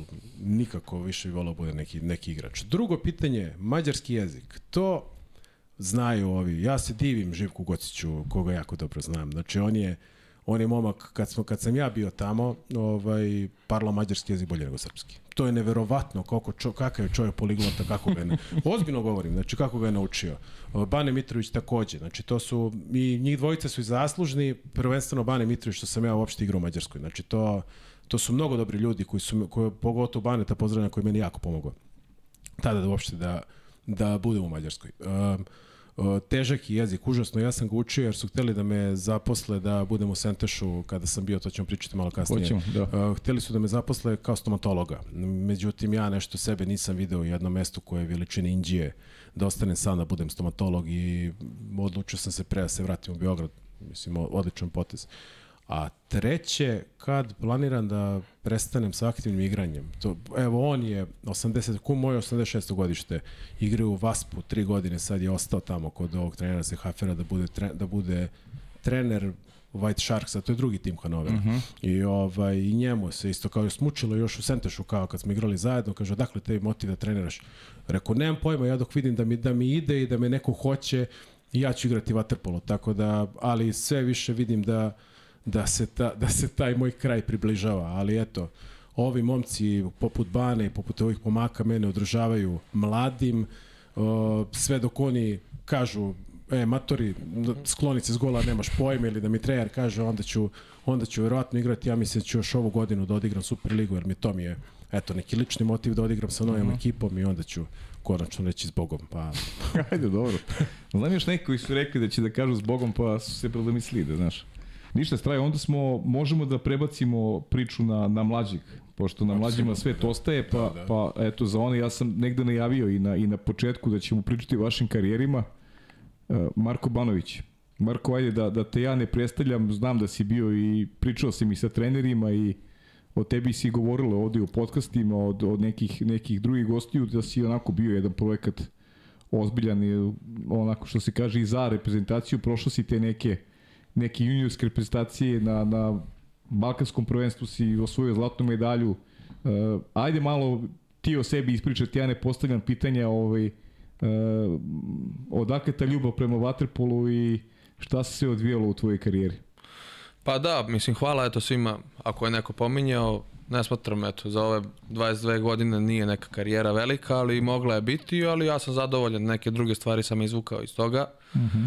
Ali ljubav prema vaterpolu je bila sasvim slučajna. Ja sam kao i mnogo drugih počeo da se bavim plivanjem kada sam bio mali i kada je pao baš na tašu sam i trenirao i na kraju se to i vratio, ali da.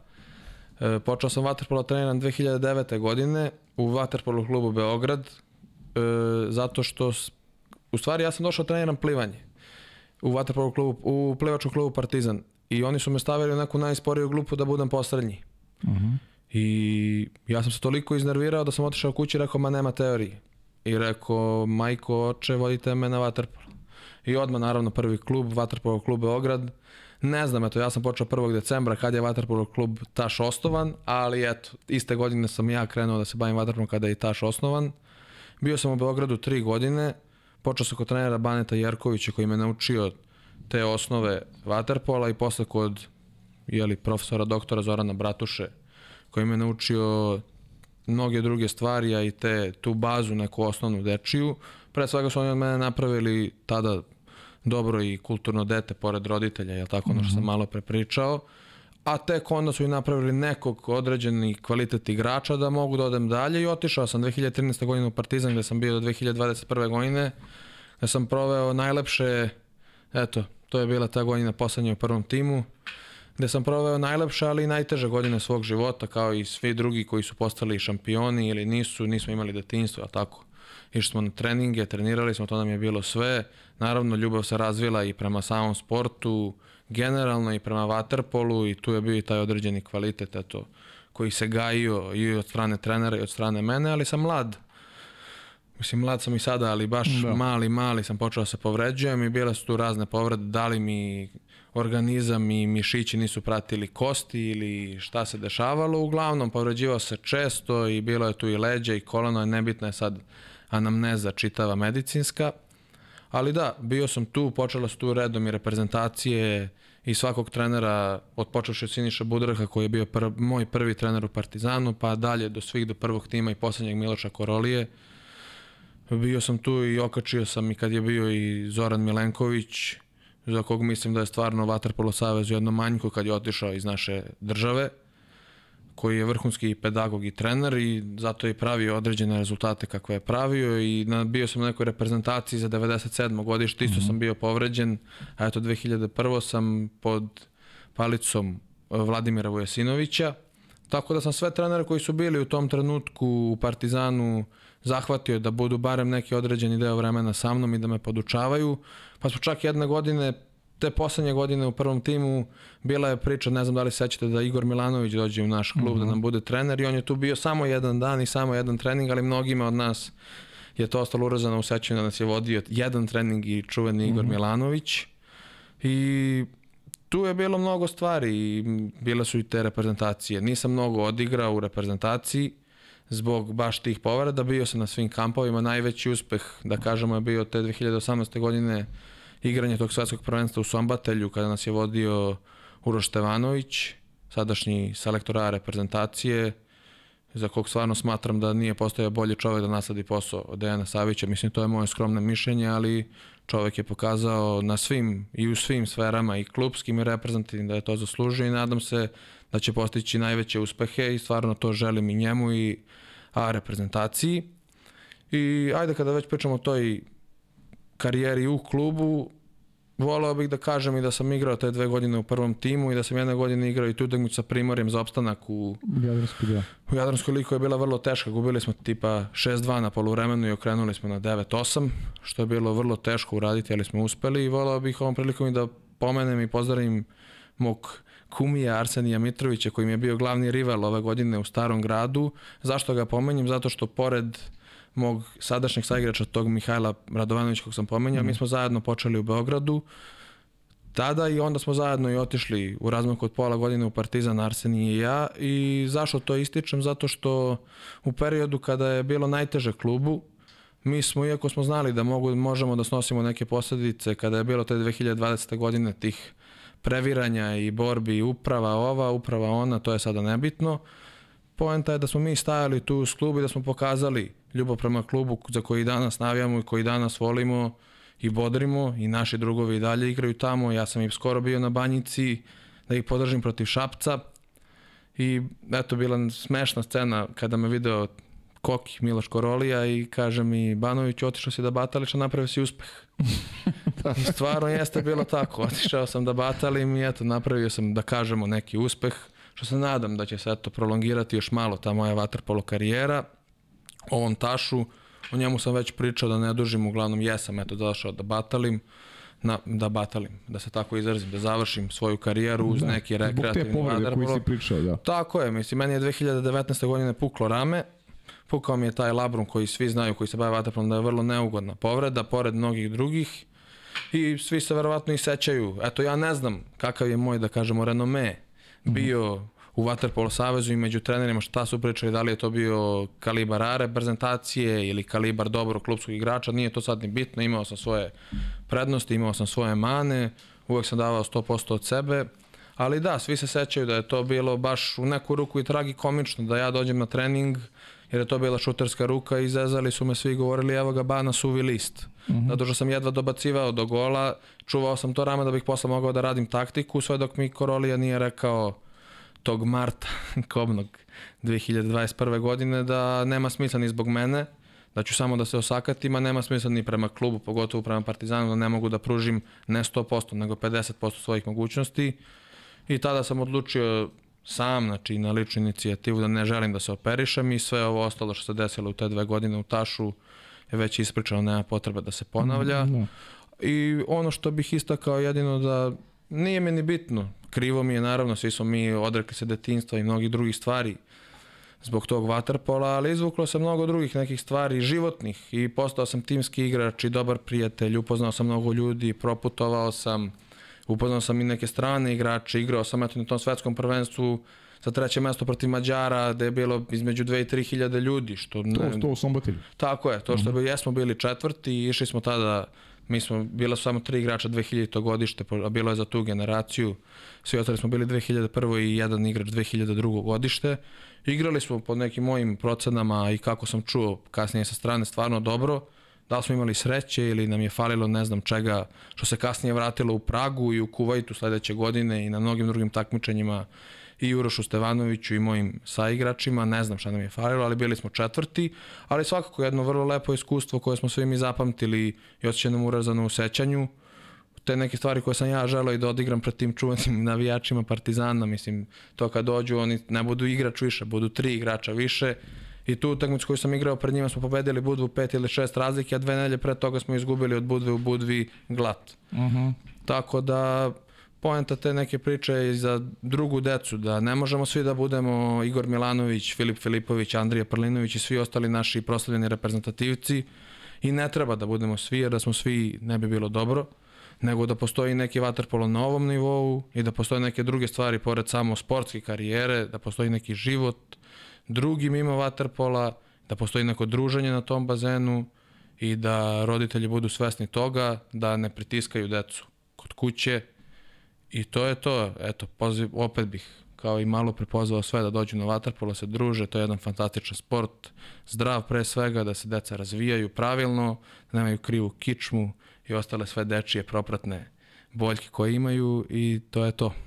A kaži mi, te reči Miloša Korolije koji ti je, verovatno si teško i prihvatio iz aspekta i ljubavi prema sportu i, i pa generalno i klubu za koji si igrao, ali ti je to bio taj okidač neki da počeš da razmišljaš ok, ja sad više moram da se posvetim onome od čega ću živeti kasnije i e, šta je taj neki izbor, e, šta planira Marko Banović da uradi kada, kada sve to prođe, vratit ću te posle ovaj, na, na tu represivnu karijeru, imam još nekih interesantnih pitanja. Pa da, bilo je to jako teško tada da se odlučim za to.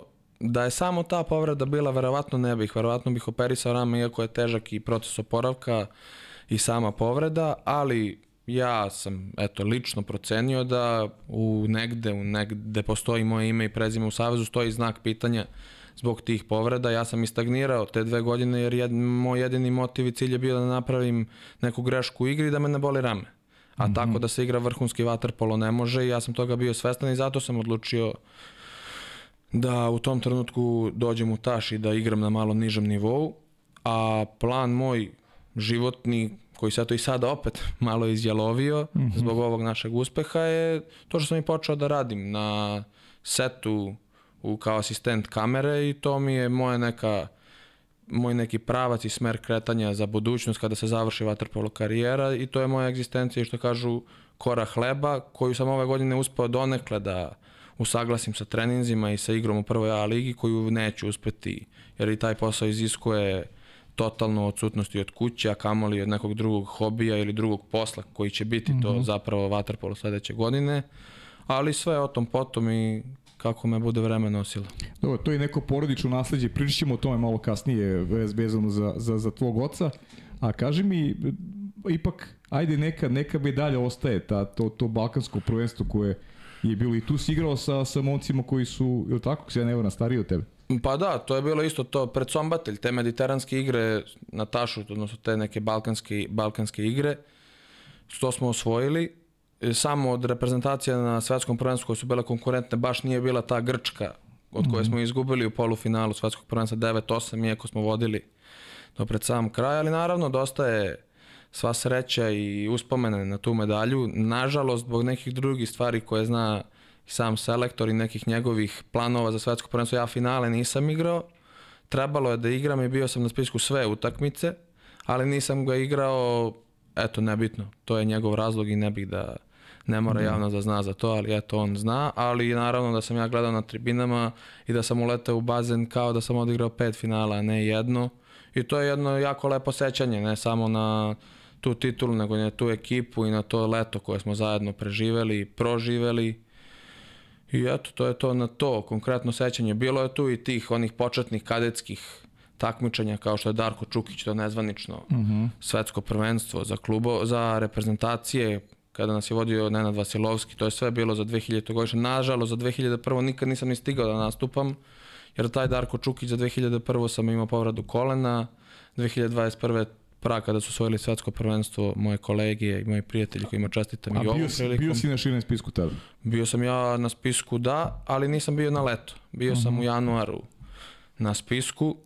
Mislim, ja uvek za to 2001. godiša sam bio u konkurenciji užoj i široj, kako god su me posmatrali, da, da. bio sam tu, radi to tih nekih svojih kvaliteta, pre svega u odbrani koje sam imao.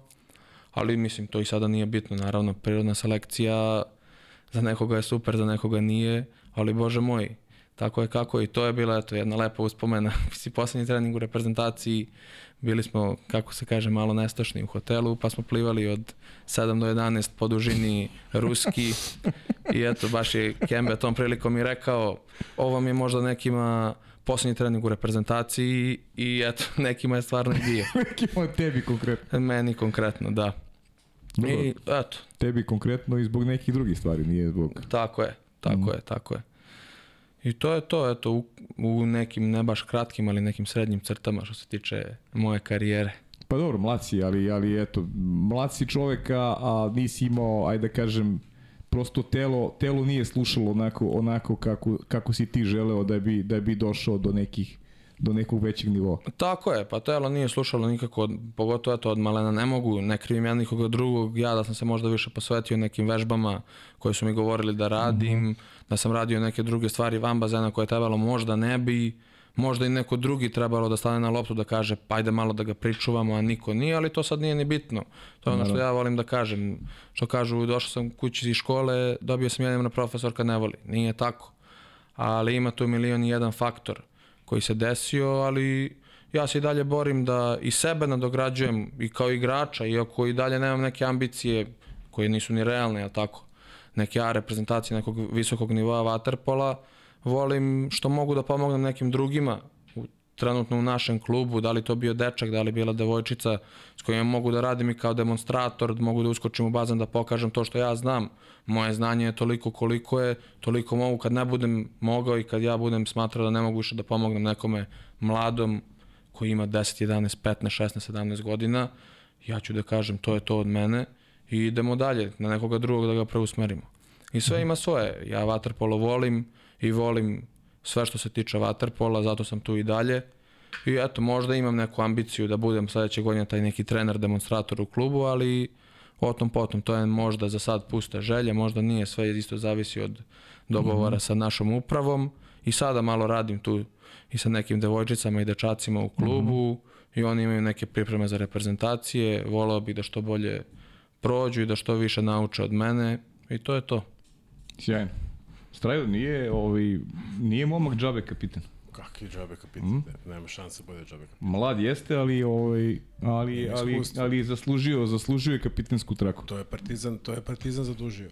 to je onaj sistem što se ovde pominje toliko toliko dugo. Da i toliko Ne samo igrača, napraviti igrač, nego napraviti, ne, čoveka. Osobu, napraviti, napraviti čoveka, osobu, da. napraviti čoveka. Viš, vi praktično ste pedagog deteta od 10. do 20. godine. U, u vremenu, u ovom ludom vremenu danas to je stravičan uspeh napraviti ovako čoveka. Znači, mm -hmm. ja sam jednog mišljenja da vas roditelji praktično vaspitavaju do 16. 17. godine, posle toga vas vaspitava okruženje društva. Mm -hmm. Evo kako vas pitalo. Vrlo prosto, nema tu... Hvala, hvala. Pa jeste, to se, to pa, se vidi, to je, jeste tako. Stvarno to se na tako. kraju samo i gleda. Pa u suštini to se jedino pamti na kraju. Tako znaš. je. Prođe sve, ovaj, zaboravi si medalje i to ostaje ti ono kakav si čovjek. Tako kako, je, to, je, to je suština cele priče. Tako je. Ovi, neće mi zameriti da se sam malo posvetimo strajku. Taman posle, to je malo, malo poduži Malo je govor. poduži, da, gledat ćemo, da, da, gledat ćemo, budemo koncizni, ali koliko je to moguće, Strajo? No, ne, nemoguće. Da. Mislim, moguće, ali ajde. O, u, u rodnom kraljevu, znaš, iskreno ti kažem, mnogi, ajde sad, oni koji su u Waterpolu, ovaj, znaju da, da, znaš, ovaj, da u Kraljevu ima, naravno, ima bazen, ali... Ima znaš, bazen, ima klub, znači, ovako, klub je formirao, odnosno osnovao moj otac, Radomir mm. Stretković, sa svojim prijateljima 93. godine. Uh, ja sam u tom vremenu imao 8-9 godina, trenirao sam košarku jer u Kraljevu, zna, zna se šta je sloga iz Kraljeva bilo Tako u ono vreme, da. jednostavno košarkaški grad, Srpska Bolonja imalo dva kluba, ovaj, i to je bilo neki, neki prirodan ovaj, sportski sled, kod de, gde ćete dijeti, ićete na košarku. Moj otac sa svojim prijateljima iz Beograda formira klub u kojem sam ja prvi član, uh mhm. -huh. jedan od prvih članova, Uh, kao to što je Bana rekao, da ispravljanje leđa, da, da nauči da pliva, jer ja sam plivanje naučio tek sa 9 godina. Za, ovaj, I to kod jednog ozbiljnog čovjeka koga moram da pomene, Zoran Korićanac, koji je, ja ne znam da li, da li postoji bolji pedagog, pa u Beogradu verovatno ima, ali ja u to vreme, ja dan danas ne poznajem bolje pedagoga koji me naučio da pliva ovim, ovim prilikom ga pozdravljam. Ovaj, uh, i tu sam se zadržao praktično celu osnovnu i srednju školu. Vaterpolo u Kraljevu i dan danas je ostao na istom, na istom nivou kao što je, kao što je ostao i tada. Igra se letnja liga, pokupe, pokupe se deci iz grada koja imaju obuku plivanja tokom leta, to traje od juna do kraja avgusta meseca. Nakon toga plivanje vaterpolo seli se u, u bazen, u vojni, u, vojnih, u bazen vojnog hotela Brezov u Vrničkoj banji. Vrničkoj banji, da. I tu se bazen deli između vaterpolo kluba Goč koji je skoro proslavio veliki jubilej i vaterpolo kluba Kraljevo. Negde 2002. treće godine po, već polako počinje ove razmišljanje gde ćemo na studije, naravno. Završio sam ovaj srednju medicinsku školu, naravno prva stvar koju treba da, da razmišljam jeste medicina ili, ili stomatologija. Ovaj, pre toga, jednu godinu, ima jedan kuriozitet, pre, jednu godinu pre toga zima, ne znam zašto je bio prazan bazen u Vreničkoj banji, dolazi protivac Partizana. To ja pamtim dan dana zato što posle taj protivac Partizana Marko Vramović je postao to što jeste. Mm -hmm. Dovodi ga otac koji, njegov otac i moj otac su stari, jako dobri prijatelji, dolazi klinac koji je ono, bukvalno građen kod Trouglić, pliva kao navijen. Ja gledam pored sebe, ovako stojim na bazenu, on crno, onako tam, tam na oputu. Rekao, di igraš ti vaterpolo? Kažem, pa koji ja sam mali partizanu? Rekao, jel? I kao, pitam oca, jel, Đale, mogu ja kao da probam tamo? Kaže, kakvi ti te probaš? Kaže, ti ideš u školu, brate, batali, kaže, ovaj će da bude reprezentativac. I stvarno bi tako, dečko je reprezentativac. Nisu mi dali roditelji, stvarno ranije. Čak i da je možda bila neka opcija da dođem u Beograd ranije, jednostavno, ovaj, prvo ško, bila škola pa sve ostalo. Mm. I to me tako i pratilo. Ja sam u Beograd došao 2003. u Crvenu zvezdu. Tad je trener bio Miloš Saković koji je sada trener mm -hmm. Valisa i ovaj, Zoran Mielkovski. Uh, tu sam se zadržao u učenju osnova, osnova vaterpolo, vaterpola na golu. Jer jednostavno ja sam kod prvog trenera Tomislava Ćirića naučio osnove koji je otac od ovog malog Tomice koji, koji je trener kod nas. Uh, ali jednostavno to ovaj, oz, nije bio ozbiljan vaterpolo. Ja sam stvarno tamo uživao sve, jeste on bio vrhunski trener i pedagog i ostalo, ali jednostavno ozbiljan vaterpolo si igrao isključivo u Beogradu. Tada dolazim kao pojavljujem se, i to isto kuriozitet neviđen. Ja se pojavljujem kao, hoću da, igra, da treniram vaterpolo u Crvenoj zvezdi. Trener je bio Nikola Radojčić, trener golmana, ne znam, mm -hmm. verovatno je neko pomenuo. Sigurno. To je jedan, to je jedan najboljih trenera golmana koji je bio u Srbiji. Znači, ja ga pamtim kod najboljeg trenera. Ja dolazim kod njega, ja bi da, da kaj pokaže mi šta znaš, ja skočim bazan, kaže, ništa ne valja. Meni se ono sve slušao kako bre ništa ne valja 18 godina sa kao nešto radio. Kao ne, ne, mi to moramo iz početka. I većina ljudi koji je tada došlo iz tih malih sredina da igra vaterpolo, da se bavi uopšte vaterpolo, ne da igra, nego da se bavi vaterpolom, da unapredi sebe, ovaj, se izgubila Romaneću, kaže, tad su uhvatili izlasci 2003. 4. 5. godina, to je To je tada bilo opšte ludilo u Beogradu. Ja sam rekao, ne, doću na bazen, ja ću da ispravljam. I tada sam sa Slovom Stankovićem, koga su pominjali verovatno ovde, on je bio golman Crvene zvezde, Igora Lazića, koji je moj vrhunski prijatelj, isto golman, krenuo u ispravljanje tehnike. To je trajalo dve godine.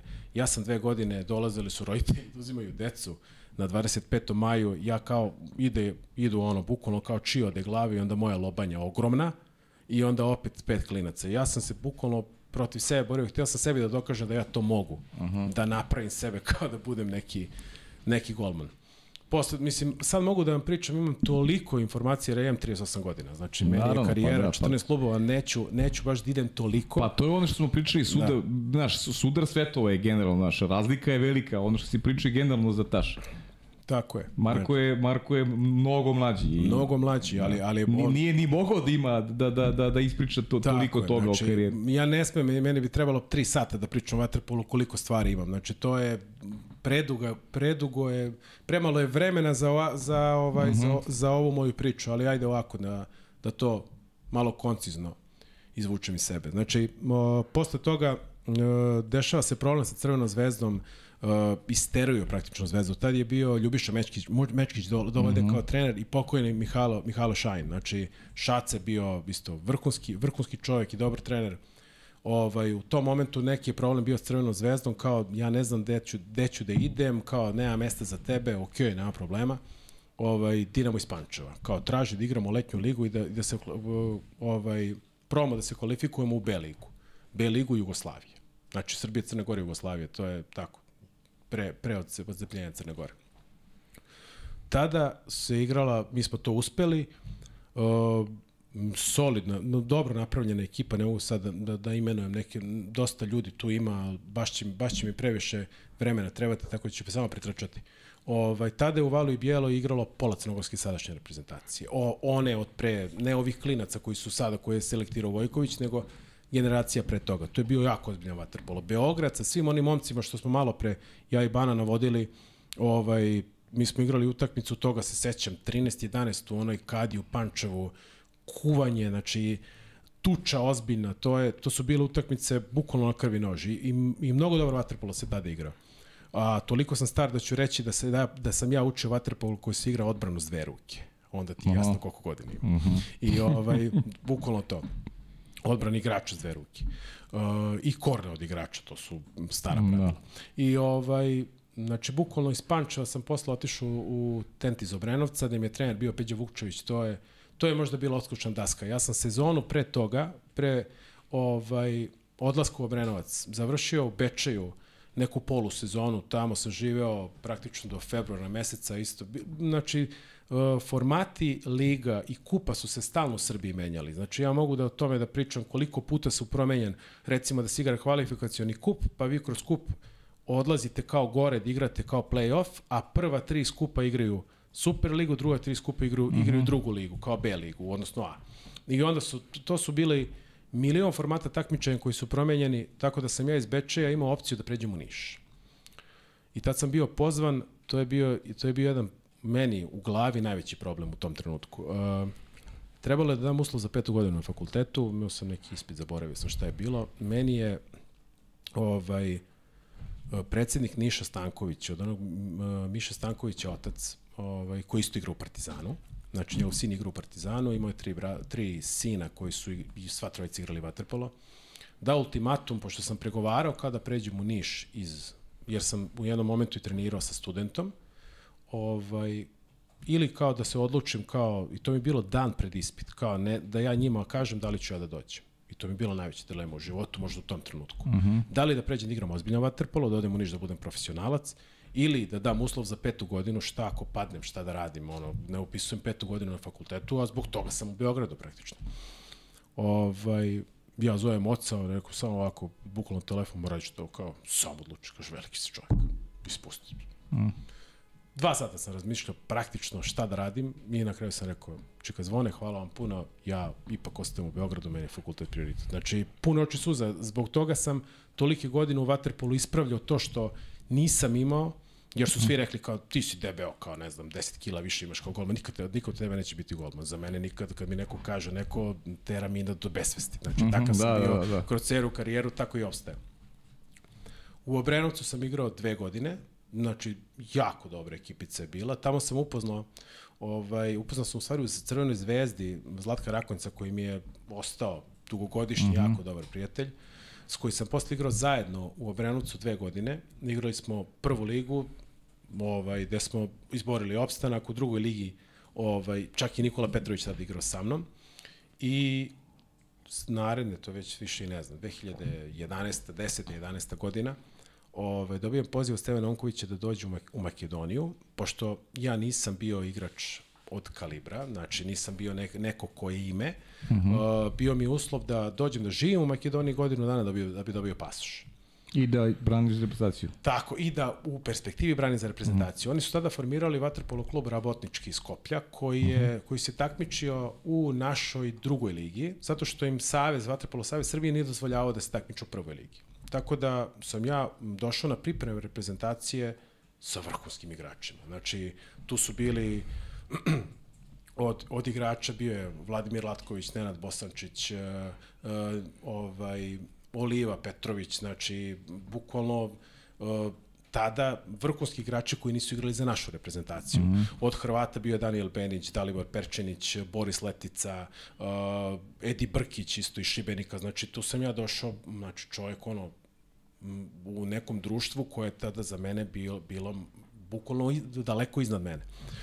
Dobro sam se snašao na tim pripremama, Ovaj, oni su kao tražili još jednog golmana, pošto ja nisam bio, stvarno, ja nikada nisam bio toliki kvalitet, ja sam samo radom trudio da nadomestim ono što sam izgubio godinama u Kraljevu. Jer vi, kad počinjete vaterpolo, pogotovo danas, bez YouTube-a, ovih čuda, kako da šaljete trenerima, to tada nije postojalo. Znači, to tada je bilo samo dođeš na probu, skočiš u bazen, ako vrediš, vrediš, ako ne vrediš, ideš tamo, ispravljaš, kad ispraviš, dođe ovde, pa ćemo da probamo.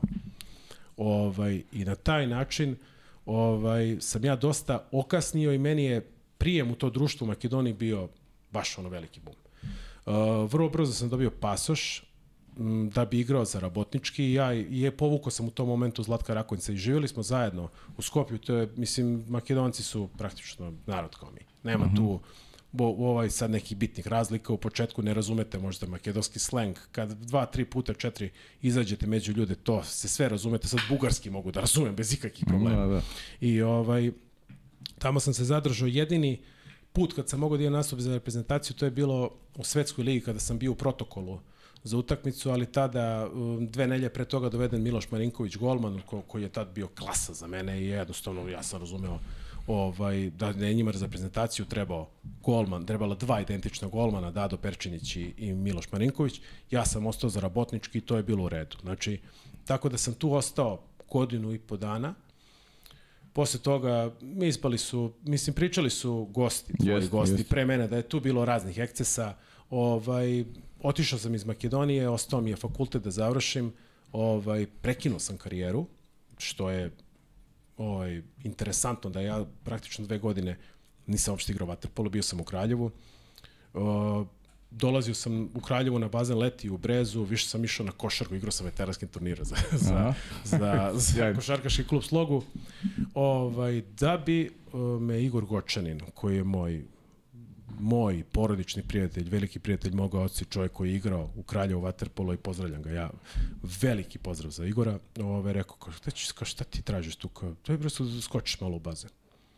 Rekao, ne mogu, Igor, ja 112 kg. Te ću sada da skačem u bazen, idem, idem u teretanu, počeo sam da volontiram u Kraljevu u zdravstvenom centru studenica, počeo da radim ono čim, šta sam završio, budem stomatolog i vratim u bazen i krenem i krenem i, i odigramo letnju ligu i budemo šampioni i, i ovaj, tu bude kao, e, da li bi mogao negde da igram, da li ne bi mogao da igram ja u Kraljevu. Reku, ne, ne mogu ja više da igram vaterpolo, ja sam to precrtao.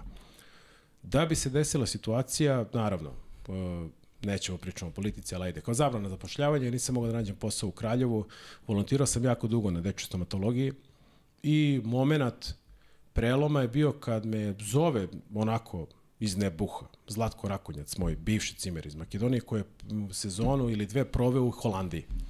E, šta radiš? Kao, pa ništa, me kaže, u Kraljevu radim, otvorio sam kafić neki, ovaj. Pa, dobro, kaže, ajde dođi kod, kod mene, malo se odmoriš. Gde da dođem kod tebe? Kaže, u Senteš. Gde ti je, bre, taj Senteš? Pa, kaže, pa evo, kaže, to je tu, 70 km, 60 km iznad Cegedina. Ja na mapi gledam Senteš, ono neko selo. Šta ima tu? Kaže, tu igram vaterpolo ja malo ono googlam da proverim tada ono the Centuš, gledam. Kaže, kakav je to bazen? Kaže, sad su otvorili olimpijski bazen. Aj dođe on. Ja kao odem na posao, kaže me, ja ću da uzem kao 7 dana neću biti tu, da odem kao do Senteša, da se malo družim sa mojim ovaj, prijateljima, malo vratim u kontakt, dođem ja tamo s gaćama, ono, stomačina. I ovaj, naletim na situaciju da njima treba golman. Šta si ti mene doveo? Kaže, ja sad budem golom, pogledaj me na šta liči mi.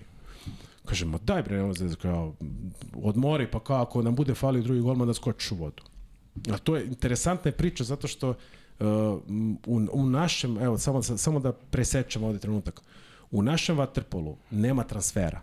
Znači, vaterpolo, ovaj koji mi poznajemo, to je ono, e, ja Paju znam, ja ću dođem kod Paje, Pajo, jel možeš da. ti vam preporučiš Bani, Bana će ovo, Bana će, znači ne postoje transferi, ne postoji ni transfer lista, ni agenti.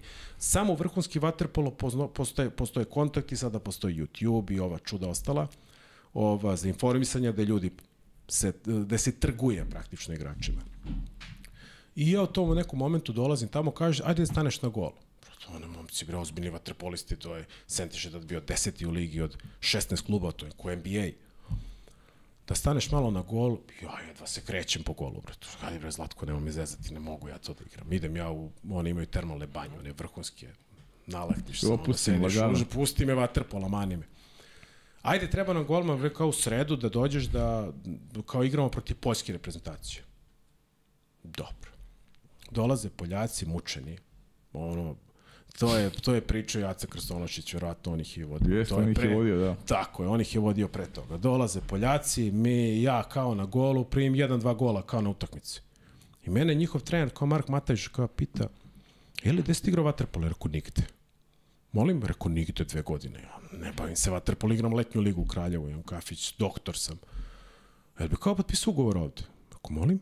Kaže, pa da, kao potpiš ugovor ovde, treba nam golman. Pa rekao, nemam pojma, ajde vidjet ćemo. Vraćamo se, ja, pošto su živjeli u bungalovima, vraća se ja sa Zlatkom u sobu, rekao, je li zlajao? Šta pričao? Suvi šale, suvi šale. Su oni normalni, bre. To je kao da igramo u NBA, kao da idem igram vaterpolo. Kao. Ma ne, kaže, zato sam te kao i doveo. Rekao, daj, nema me zazdi. Kaže, ajde, kao, potpiši ugovor, kao, znam da volontiraš u Kraljevu, kafić izdaj, nešto, nešto iz petlje, kao dođi igraš vaterpolo ovde. Kao. Znam da voliš vaterpolo, a znam, uvatio me na žicu, jer ja znam koliko, koliko sam zaljubljen u sport. Dobro, ja ovaj odlazim kao dogovaram se ja s tim Markom i kao ruka ruci evo dođi kao za nelju dana ja rekao samo završim obaveze da završim ovaj uh, ugovor o volontiranju u Kraljevu da zaključim i da i dolazim. Uh, dole vraćam se ja u Kraljevo sve završavam treba znači to je bilo faza četvrtak ili petak treba da krenem u nedelju za Senteš zove mene Slatko petak. Kaže on meni e brate Marko dobio otkaz trener prvi. šta sad da radim? Kaže, pa brate, ništa, sedi u kola i dođi, pa ćemo nešto petljamo. Pa, rekao, dobro. Dolazim ja u nedelju, ponedljak na trening ujutru u teretanu, došao Deneš Lukač, trener. Ovaj, mo, izvini, ko si ti? Kaže, ja sam strah iz redko, ko čuo. Pa rekao, ja se dogovorio s Markom da potpišem ugovor. Rekao, ko, koji ugovor? pa rekao, pa ugovor da budem golman, dru, prvi, prvi, drugi golman ovde kod vas. Ne znam, ja ni za kakav ugovor. Vi prvo ti moraš kao meni da se dokažeš, pa ćemo da idemo za ugovor. I ja, ono, bre, razmišljam zlo, rekao, šta mi je ovo u životu trebalo, da se kockam ovako. Nema veze, ajde sad, šta je, bilo šta je bilo. Senteš otvori bazen, zatvoreni, veliki, mislim, pričam, mno, ovo je kratka priča, ja mogu ovo da razdužim mm, previše, ali neću. Verujem. Ove, otvorili su bazen Olimpijski centar, zato su Mađari fascinantni. Meni, meni taj svet, taj sportski, njihov waterpolo svet neviđen. Znači, oni imaju na potezu od 50 km praktično 10 olimpijskih bazena. Znači, napravili su jednoj prak, ekvivalent Inđi. Napravili su takav sportski centar sa, ta, sa takim spa sistemom da, da, da to van svake pameti. To ne, ne znam da li ima kod nas takav spa centar kakav oni imaju. I te, i te nedelje se odigravao finalni turnir Mađarskog kupa. To je bio oktobar mesec. Ovaj, uh, finalisti kupa, da, da, četiri, četiri ekipe su bile Solnok, OSC, Eger i Honvet. I meni trener kaže, e, kao sparingovat ćemo s OSC-om. Kao tu ću da vidim da da li trebate da te potpišem. Ja za glavu, rekao, te s OSC-ovo, Brguljan, Bence, uh, ne znam, bukvalno ekipa, ono, Seman je tada igrao uh -huh, za Seman, njih. Uh, da, ovaj Lukaš Seman, pa ne znam, igrao je još, zaboravio sam više. Mislim, ekipa, bomba, druga ili treća ekipa mađarske, mađarske ove lige. Kao mi ćemo s njima sparingujemo kao igrač više manje. Pa rekao šta sad radimo, gotovo. Nema, no, nema, nema, nema, nema, nazad, nema nazad, ajde stanemo da vidimo. I ubacio on mene na gol, počeo ja nešto vatam, vatam skočku, onom, dra, onom Brguljanu počeo hvatam neke šuteve, Bence nešto mi ispogađa. Da, Gabor Hege doš me dva put zvigne, zvizne u glavu. I ovaj, završavamo mi, završavamo mi ovaj trening, on meni kaže, dobro je kao to, kao autoritativno on pokazuje rukom, kao dobro, kao vidjet ćemo. Izlazimo iz bazena, odemo na večer, odemo kao u sobu, kaže Zlaje meni, slušaj, kaže, o, ove, kaže, opasan je, ajde da probamo malo da, da poguramo. Znaš ti Baneta Mitrović, zato sam ga pomenuo ono u prvom startu. Rekao sam, znam, brad, ne znam da se Bane mene seća. Da ja probamo nađemo broj telefona, ja pustim Banetu poruku, Bane insta, instant me zove, E, brate, gde si, šta si? A, bravo, ono iznenađen. Nisam očekivao da, da, da se neko seća reakciju, tako, da. me, takvu mm. reakciju. Gde si, kaže, evo me tu, ovaj, u, u Sentešu. A, pa kao čuo sam da im treba golman. Da, da, rekao, ništa, sad ću ja zovem Deneša, a ispostavilo se da se njih dvojice znaju tako što je Deneš u Debrecenu, da je Bane Mitrović bio, bio trener mlađe kategorije, a inače rodom iz Solnuka. Mm -hmm. I onda i Živele i on su valjda urigirali, Nije prošlo 5 minuta, mene trener zove dođu u kancelariju potpišu ugovor. Da, sjajno. Znači, zah- zahvalan sam tim ljudima, stvarno za nas ma uslovno rečeno male igrače, uh, mnogo, oni su mnogo učinili, meni su lično mnogo učinili. Pa To jeste je poučna priča, lepo Vrlo baš. poučna priča i, i mnogo, mnogo, o, mnogo se lepo drže zajedno. Znači, mnogo pomažu jedni drugima. Meni su lično pomogli. Eto, primer, verovatno su još neki imali ovako slično iskustvo, on meni su stvarno pomogli. Tamo sam se dve godine zadržao, hteli su me zadrže da budem i doktor i stomatologije i, i golman u drugoj sezoni, gde sam upoznao mog kuma koji je postavio pitanje, ovaj, Luku Sekulića, Međutim, nije mi nešto bilo interesantno. Ovaj, Saigrači su mi bili Srbi, bio je Miljan Popović, bio je Zlatko Rakonjac prvu sezonu, drugu je otišao. Uh, Radovan Latinović, pa i golman Igor Lazić, jer nisu imali golmana, pa su doveli nas dvojicu. Mm. I ovaj, međutim, nije mi bilo interesantno u trećoj sezoni da, da ostajem sam. Vratio sam se u Beograd, došao u Taš. Taš, da. Tako. E, aj sad da prekinemo da napravimo Ajde. jedno video pitanje, da, da malo razbijem.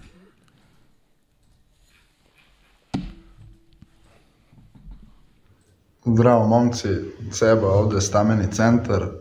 Pozdrav za celu ekipu. Jedno pitanje za straju prekaljenog golmana od 39 leta jeste kako uspeva da neguje svoje telo i kako, kako izgleda oporavak sa 39 godina posle naporne sezone utakmica. Zanimaju me detalji koliko leda, koliko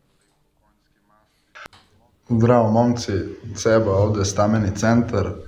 Pozdrav za celu ekipu. Jedno pitanje za straju prekaljenog golmana od 39 leta jeste kako uspeva da neguje svoje telo i kako, kako izgleda oporavak sa 39 godina posle naporne sezone utakmica. Zanimaju me detalji koliko leda, koliko konjske masti, ovaj, lekova za bolove itd. itd. Pa ako može da nam otkrije tajnu svoje dugovečnosti. Pozdrav za celu ekipu. Joj, crni, crni ceba. Pa nema, pričali smo to pre, uvertira. Jednostavno, ono što za, za svakog sportistu u poznim godinama bude, bude prese karijere, znači taj period regeneracije. Meni se to produžilo neverovatno, recimo kad sam ranije gledao futbal ili košarku i ne znam, sad komentator kaže ulazi igrač sa 32 godine, veteran.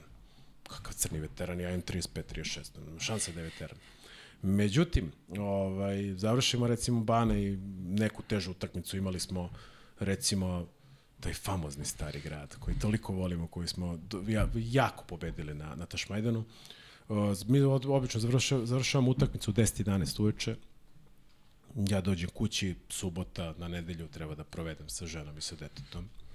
Vreme, kao legneš u krevetu u 12 sati, a, a san neće do 4 ujutru. Jednostavno, taj period regeneracije se i period bukvalno koliko se obara, puls se produžuje. I mm -hmm. to je problem. Uh, bol u leđima, pratići efekat posle svake, svakog treninga, svake utakmice, u kolenima takođe.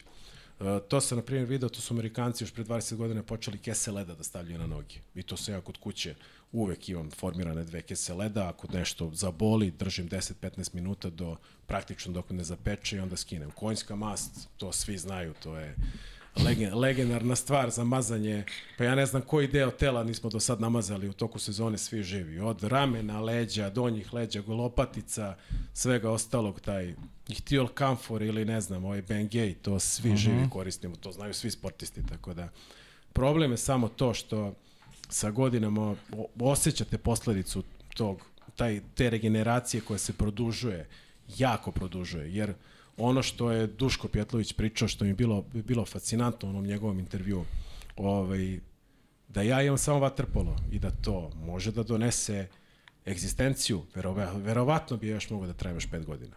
Kao, kao što može Dule. Ali, kad vi imate još jedan posao pored toga, plus trening, plus žena, deca, to će Bana tek da spozna. Da. Čari, Polako, čari ovaj porodičnog života polako. Ovaj, jednostavno, uh, ne možete sve da postignete. Pra, ne može, ne prašta organizam, jednostavno uh -huh. krštenicu. Eto, to je to. Da. Čekaj sad ba, da se okrene malo Marku, pošto ti si sada u malo drugačijem, ovaj, da kažem, i, i nekom ritmu, nisi u tom onom punom fokusu trenažnom. Uh, kako sad provodiš vreme? Mlad si čovek, Dakle, osim toga što, što si ovaj, pokušao sve da pronađeš nekom drugom poslu, kakvi su neki, kakav je, ajde da kažem, taj neki socijalni život, šta još radiš, ili pratiš neke druge sportove, ili koje su ti sad neke sfere interesovanja i koliko se to promenilo u odnosu na, na to što nisi imao detinstvo? E, sam si rekao, detinstvo ti je prošlo u treninzima, bukvalno. Da, pa to je istina. Pratim skoro sve sportove. Mm -hmm. Ono, futbal, košarku, američki futbal, čak mm -hmm. pogledam i hokej ili tako neke sportove koji, koji kod nas su popularni. Ali generalno, od kad sam eto došao u Taš, nije mi se mnogo promenilo, baš iz tih nekih razloga što sam se i dalje trudio da ostanem fokusiran na sport, dok mi je to primaran, da kažemo, posao ili primaran fokus na njemu, jer taj drugi posao kojim se bavim povremeno nije, kao što sam rekao, znači povremeno nije za stalno. Mm -hmm i onda se trudim da u tom waterpolu budem što više. Pa tako i sada, evo na primjer kada je gotova sezona, odem češće nekada na bazen, ono što sam pričao malo pre, da pomognem nekome mlađem, da pomognem nekom treneru da mu pomognem na treningu ako ima više dece, ima 50-60 dece, da mu pomognem kao neki eto, pomoćnik asistent trenera ili kako god ga nazivali, iako nisam ni plaćen ni ništa drugo za to, to je čisto moje zadovoljstvo kao i čitava jeli, sezona igračka. Ali da, volim, mislim i eto, ko što svi vole, vaterpolisti, pogotovo i sportisti, volim da se družim sa prijateljima često i u kafani, uh mhm. -huh. i da odemo i da se družimo i da popijemo piće i na dobru neku muziku. I to je ono što meni eto, čini neko zadovoljstvo. Pored nekog sporta i pored zarađivanja dinara nekog za egzistenciju, najviše volim da se družim s prijateljima i da se lepo okupimo, pogotovo sa prijateljima sa sporta s kojima sada ne mogu da se viđem jer oni sada treniraju dva puta dnevno, ima i tih nekih partizana i taj Petar Smiljević koji je sada lider partizana, eto verovatno ste čuli da, ove da, godine. Da, sjajna igra. Da. Tako je, sjajna igra i njega pozdravljam ovom prilikom. Isto volim i sa prijateljima, eto iz osnovne škole, iz kraja da se vidim jer baš zbog sporta nisam mogao pre i sada nekako nadoknađujem kada imam vremena, ali eto, vidjet ćemo do kada će to vreme postojati s obzirom da smo sada superligaši. Uh -huh. Otkud je NFL? Vidim tamo Srki se smeje kad je čuo NFL. Pa ne znam zašto. E, jedno vreme sam živeo sam. Mama i tata su živali u drugom stanu na Novom Beogradu. I tako uveče, nedeljom uveče sedim, ne znam šta da radim sam i pustim, jeli ima termin u 7 i u 9 i kako šta. I malo sam počeo da gledam NFL i tada je bio isto i Tom Brady i i čuveni kog voli i Campbell, tako? Da, da, da. čuvena priča. da, čuvena, da. čuvena priča o tomu Bradyu i eto, baš je bilo smešna jedna scena, ja nisam igrao, to su bile neke pripreme sa Japanom. Čini mi se 99. godiša i taj moj kumi Arsenije Mitrović je dodao neki pas sa celog terena. Juro Stevanović, Kembe počeo da mu se dere Arso, Arso, pa nisi ti Tom Brady. I eto, tako, znači volim, volim stvarno da pogledam NFL, fan sam, eto, ako već pričamo, Pittsburgh, Stil, Pittsburgh Steelersa, uh mhm. -huh. oni su mi omiljeni, ali generalno volim sport i volim svaki sport i da igram i igram ih sve solidno, zato što ne mogu da pustim da neko pobedi tako lako. Tako je, pravi sportiste. Naravno. Zaki, daj nam još jedno pitanje ovaj video.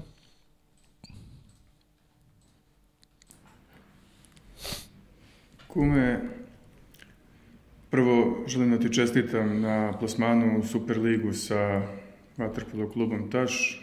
Takođe, Vatrpolo klubu Taš čestitam promociju i želim sve najbolje u budućnosti, dobru sezonu sledeće godine i ostanak tamo gde jeste i dobro snalaženje u, u, u celoj toj priči.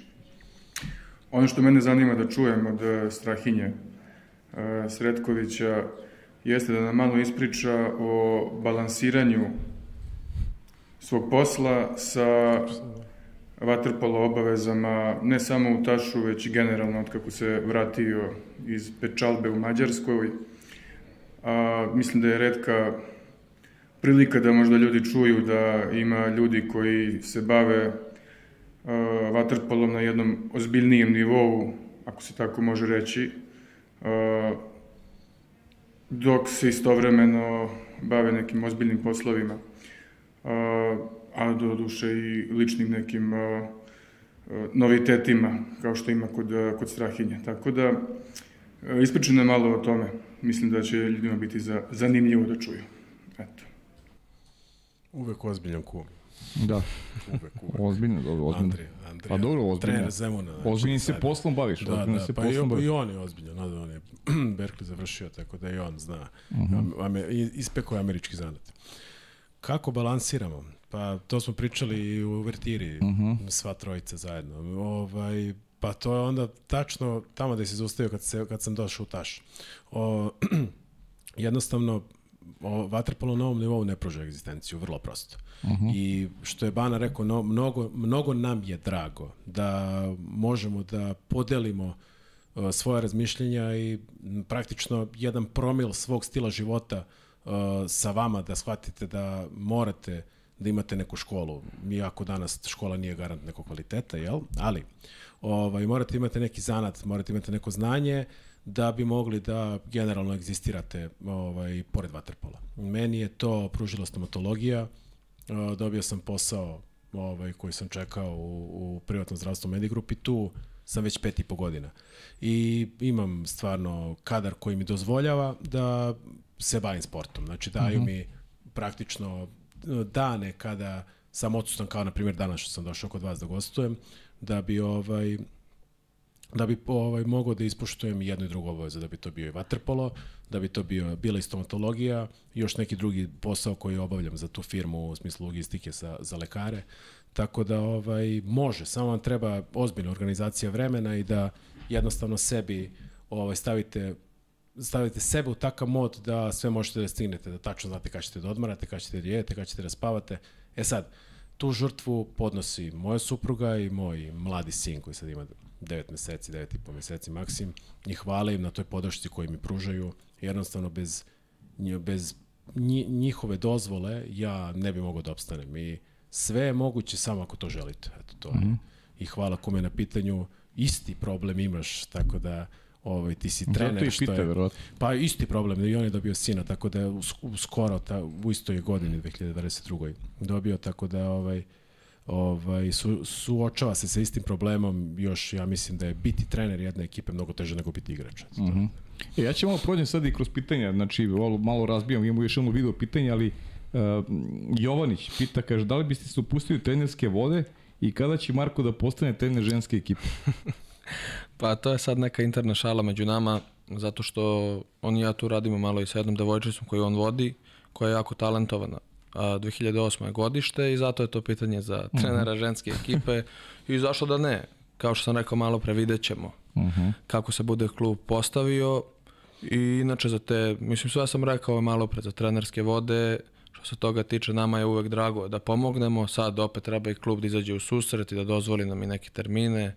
Možda da ustupi neku generaciju celu, možda kao pomoćnik nekom treneru nekoj generaciji, ali sve to o tom potom.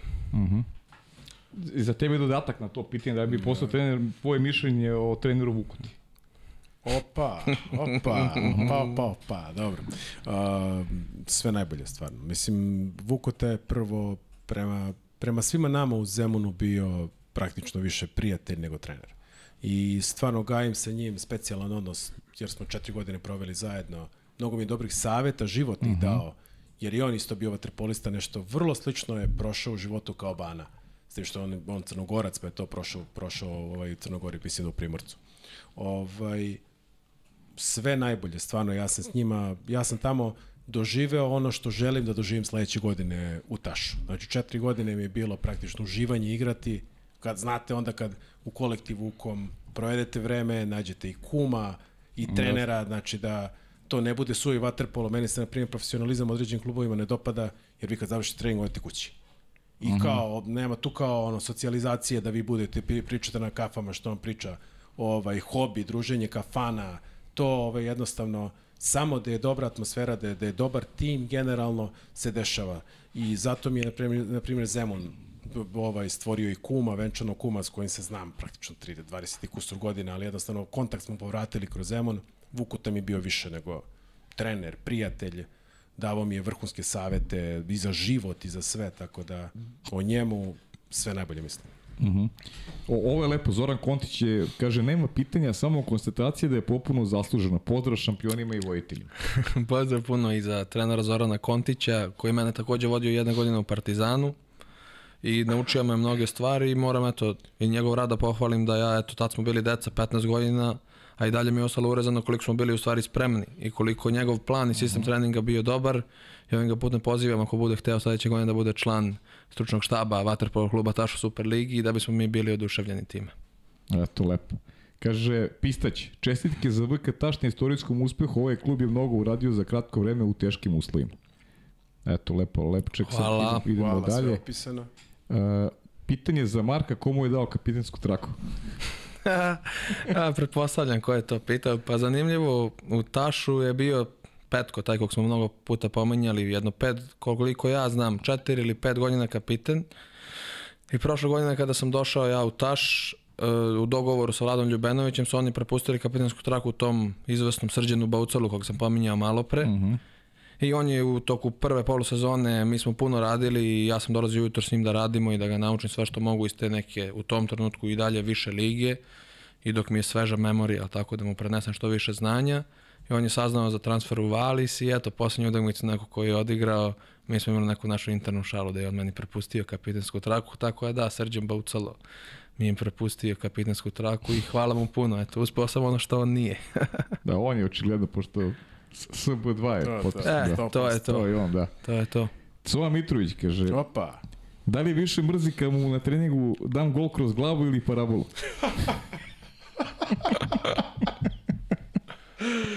Parabolu. Uvek to je, to je rak rana ovaj, svakog golmana, vrat. Znači, kao, imao bombu.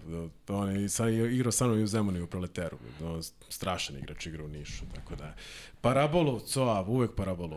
Pa i opet na, nadovezuje se, kaže, piši utakmicu Zemun Proletar 7-7 od prošle sezone i kakve su emocije bile? 7-7. A, to nije bilo 7-7, boga mi bilo je više. Nije 7-7. Bilo 9-9, čini mi se.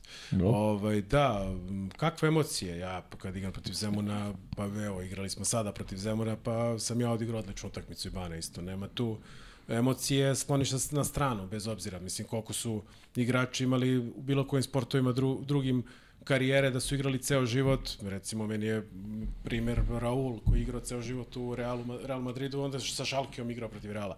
Nema tu emocije, jednostavno sklanjate, sklanjate na stranu, vi ste tu ovaj, u protivničkom taboru u službi drugog tima. Ovaj, teško je naravno, ali je, ali je interesantno zato što poznajete te igrače, znate njihove stilove igre, šuteve, znaju oni i moje ovaj, loše strane, ali je interesantno bilo to što smo mi gubili tu utakmicu, ja mislim 7 7-1. Aha. Zato je COA to pomenuo, jer smo mi prošle godine gubili na 11. aprilu utakmicu, to je bilo strašno. Znači, oni su nas razmontirali u tri četvrtine i onda smo u zvuk sirene izvukli 9-9. Znači, to je za nevericu bila utakmica. Prolete se tada tražio, ni- nisu poznavali uopšte ovaj, sistem igre, ni Zemuna, mi smo pokušavali to nešto da dočaramo treneru, treneru ovaj, Dobrici Brdariću i ovaj, na kraju smo jedva izvukli 9-9. Bilo strašna utakmica, to mm -hmm. mislim da ima video snimak negde. Klikovac Helena, da li je bolje biti golman ili igrač? Mene pitali. Pa prepostavljam, možda za igrač, da ne znam. uvek da. igrač. Pa i, mislim, za, Pa verovatno, verovatno će igrači reći golman zbog treninga. Mi smo eto uvek, eto to znaju svi, verovatno i ti vrhunski igrači, i eto i mi na ovom nivou. Uvek je bila priča kad plivamo mnogo, nekih 5-6 km, u blago golmanima rade samo noge. Tako da mi smo uvek pocenjivali te njihove treninge, ali verovatno će oni da kažu obrnuto od nas. Sene 9, pozdrav Banu, ti znaš ko je. Sad, ne znam, pokaži ti posle da vidiš. Pozdrav veliki, to je verovatno isto Zuber Enes, verovatno E, sa Taša, koji je bio i na proslavi i on je član kluba već dugo godina koliko sam ja informisan i veliki pozdrav za njega. Ovo prepostavljam da Andrija pita tebe. Kako komentarišeš navode da si mi rođio u svim uspesima malih klubova? To je, to je rekao jedan moj bivši saigrač, čisto Aleksandar Kecović, je poslao na neku privatnu grupu i onda su mi prosledili.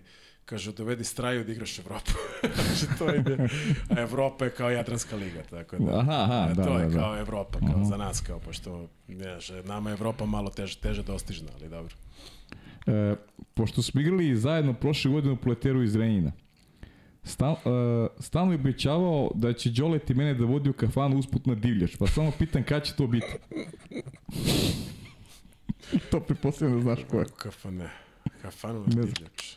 O, morat ću mi pokazati posle. Pokaži. Đoleta, Đolet i mene, pa ko je, mislim, Đole Ljubenović je verovatno i i Coa Mitrović, ali ne znam ko je treći. Možda je Stefan Ilić. Coa Mitrović. Coa Mitrović. Coa Mitrović.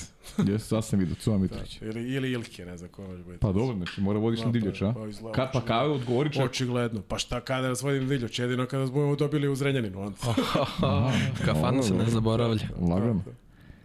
A, to je stara kuća u Zrenjaninu, koja setio sam se, kod Ike, da vodit Andrej Stojanović. E, nije pitanje, ali pozdrav za veoma dobrog momka Banu od njegovog starog druga stane. Hvala puno, pozdrav za Stanoja. Stano je takođe jedan od nas, kao što sam pomenjao, koji smo igrali zajedno u Beogradu. Te 3-4 godine, on je momak stari godinu dana od nas i veliki pozdrav za njega. Evo vidiš, Filip Ivanović te pita kao da je znao ovaj, tvoje mišljenje o, i utisci o radu sa Zorana Kontićem. Pa eto, sve sam rekao malo pre, ne moram da ponavljam. Zoki, vrhunski trener, vrhunski čovek, -huh. sve je rečeno. Filip i tebi pita za straju, kaže šta sve obuhvata tvoja priprema za utakmicu i analiza protivnika? Mm, šta obuhvata priprema? Priprema ništa. U principu, uh, mi petkom, kao i sve ekipe, rade samo elementa šuta više manje, a priprema, ja video, video analizu. Ja sam uh -huh. bio, recimo, u, zem, u ovim malim klubovima, da znate, ne radi se video analiza. Jako, jako redko. Aha. I ja sam na sve načine, pošto sam prijatelj sa Igorom Lazićem, golmanom Najsa, koga isto pozdravljam, ovaj, stalno smo šerovali jedan drugom dokumente sa video analizom. Ja sam, ja, ja sam tako spremao praktično sve svoje utakmice, jer na drugi način nisam imao. Recimo za Jadransku ligu sam na YouTube-u tražio određen, nastupe određenih ekipa da bi se spremao. Tako sam u situaciji kada sam se u Zemunu igrao protiv Poška, ovaj, tada je postao jedan klinac koji je sada prešao, ja mislim, u Šibenik, najbolji strelac je bio te, te godine u Jadranskoj ligi neki Jarko Penava. Niko nikad nije čuo za njega. Čuo sam od ja. nas čuo je, mm -hmm. evo Bana. On je mlađi. Mlađi, znači klinac koji je neki vrhu, vrhunski kao projekat za, za neki ozbiljno vaterpolo. I ja nađem utakmicu na YouTube-u i onda sednem sa mojim kumom s kojim sam tada igrao i u jednu sobu ovi ostali igraju Sonije koji Bana očigledno voli. Mm -hmm. ovaj, a ja seo na, na laptop, ja i moj kum gledamo da je taj mali šutira. Kako god je neko ušao u sobu, kaže, vi ste budale. Došli smo, došli smo, kaže, ovaj, u Split, kaže, vi sedite u sobi kao na odmoru, mesto da siđemo. Rekao, sad ćemo da siđemo, samo pogledamo utakmicu. I tako sam spremili utakmicu da sam ja, ja se ne sećam da sam utakmicu u životu imao preko 20 i nešto odbrana. Kao tada igrao je isto ovaj navedeni Srđan Antonijević koga je mm -hmm, koga je mm -hmm. ovaj Vuksa ovaj isto isto pričao da su zajedno igrali, ovaj igrao je tada za Pošk, znači odlična ekipa, ali ta priprema meni jako puno znači jer mogu da predvidim nečiju intervenciju da mogu da sačuvam gol ili slično. Eto, tome se sve svodi što više odmora koliko je moguće ovaj, da bi se, da bi se bio fit za utakmicu. Mm -hmm. Srki, mislim da imamo još ono video pitanje, tako? Čini mi se da je ostalo još jedno, ako e. sam ja dobro brojao. Pozdrav, momci. Prvo bih da čestitam celoj ekipi na ostvarenom uspehu, vama dvojici naročito kao nosećim stubovima uh, Vaterpolo kluba Taš u ovoj sezoni. Imam dva pitanja za obojicu. Prvo je šta je to što bi po vama prvo trebalo popraviti u igri Taša pred početak Superlige? A drugo pitanje je, uh, volao bih da me podsjetite kako glasi pobednička pesma, odnosno pesmu uz koju Vaterpolo klub Taš proslavlja svoje pobede. Hvala vam.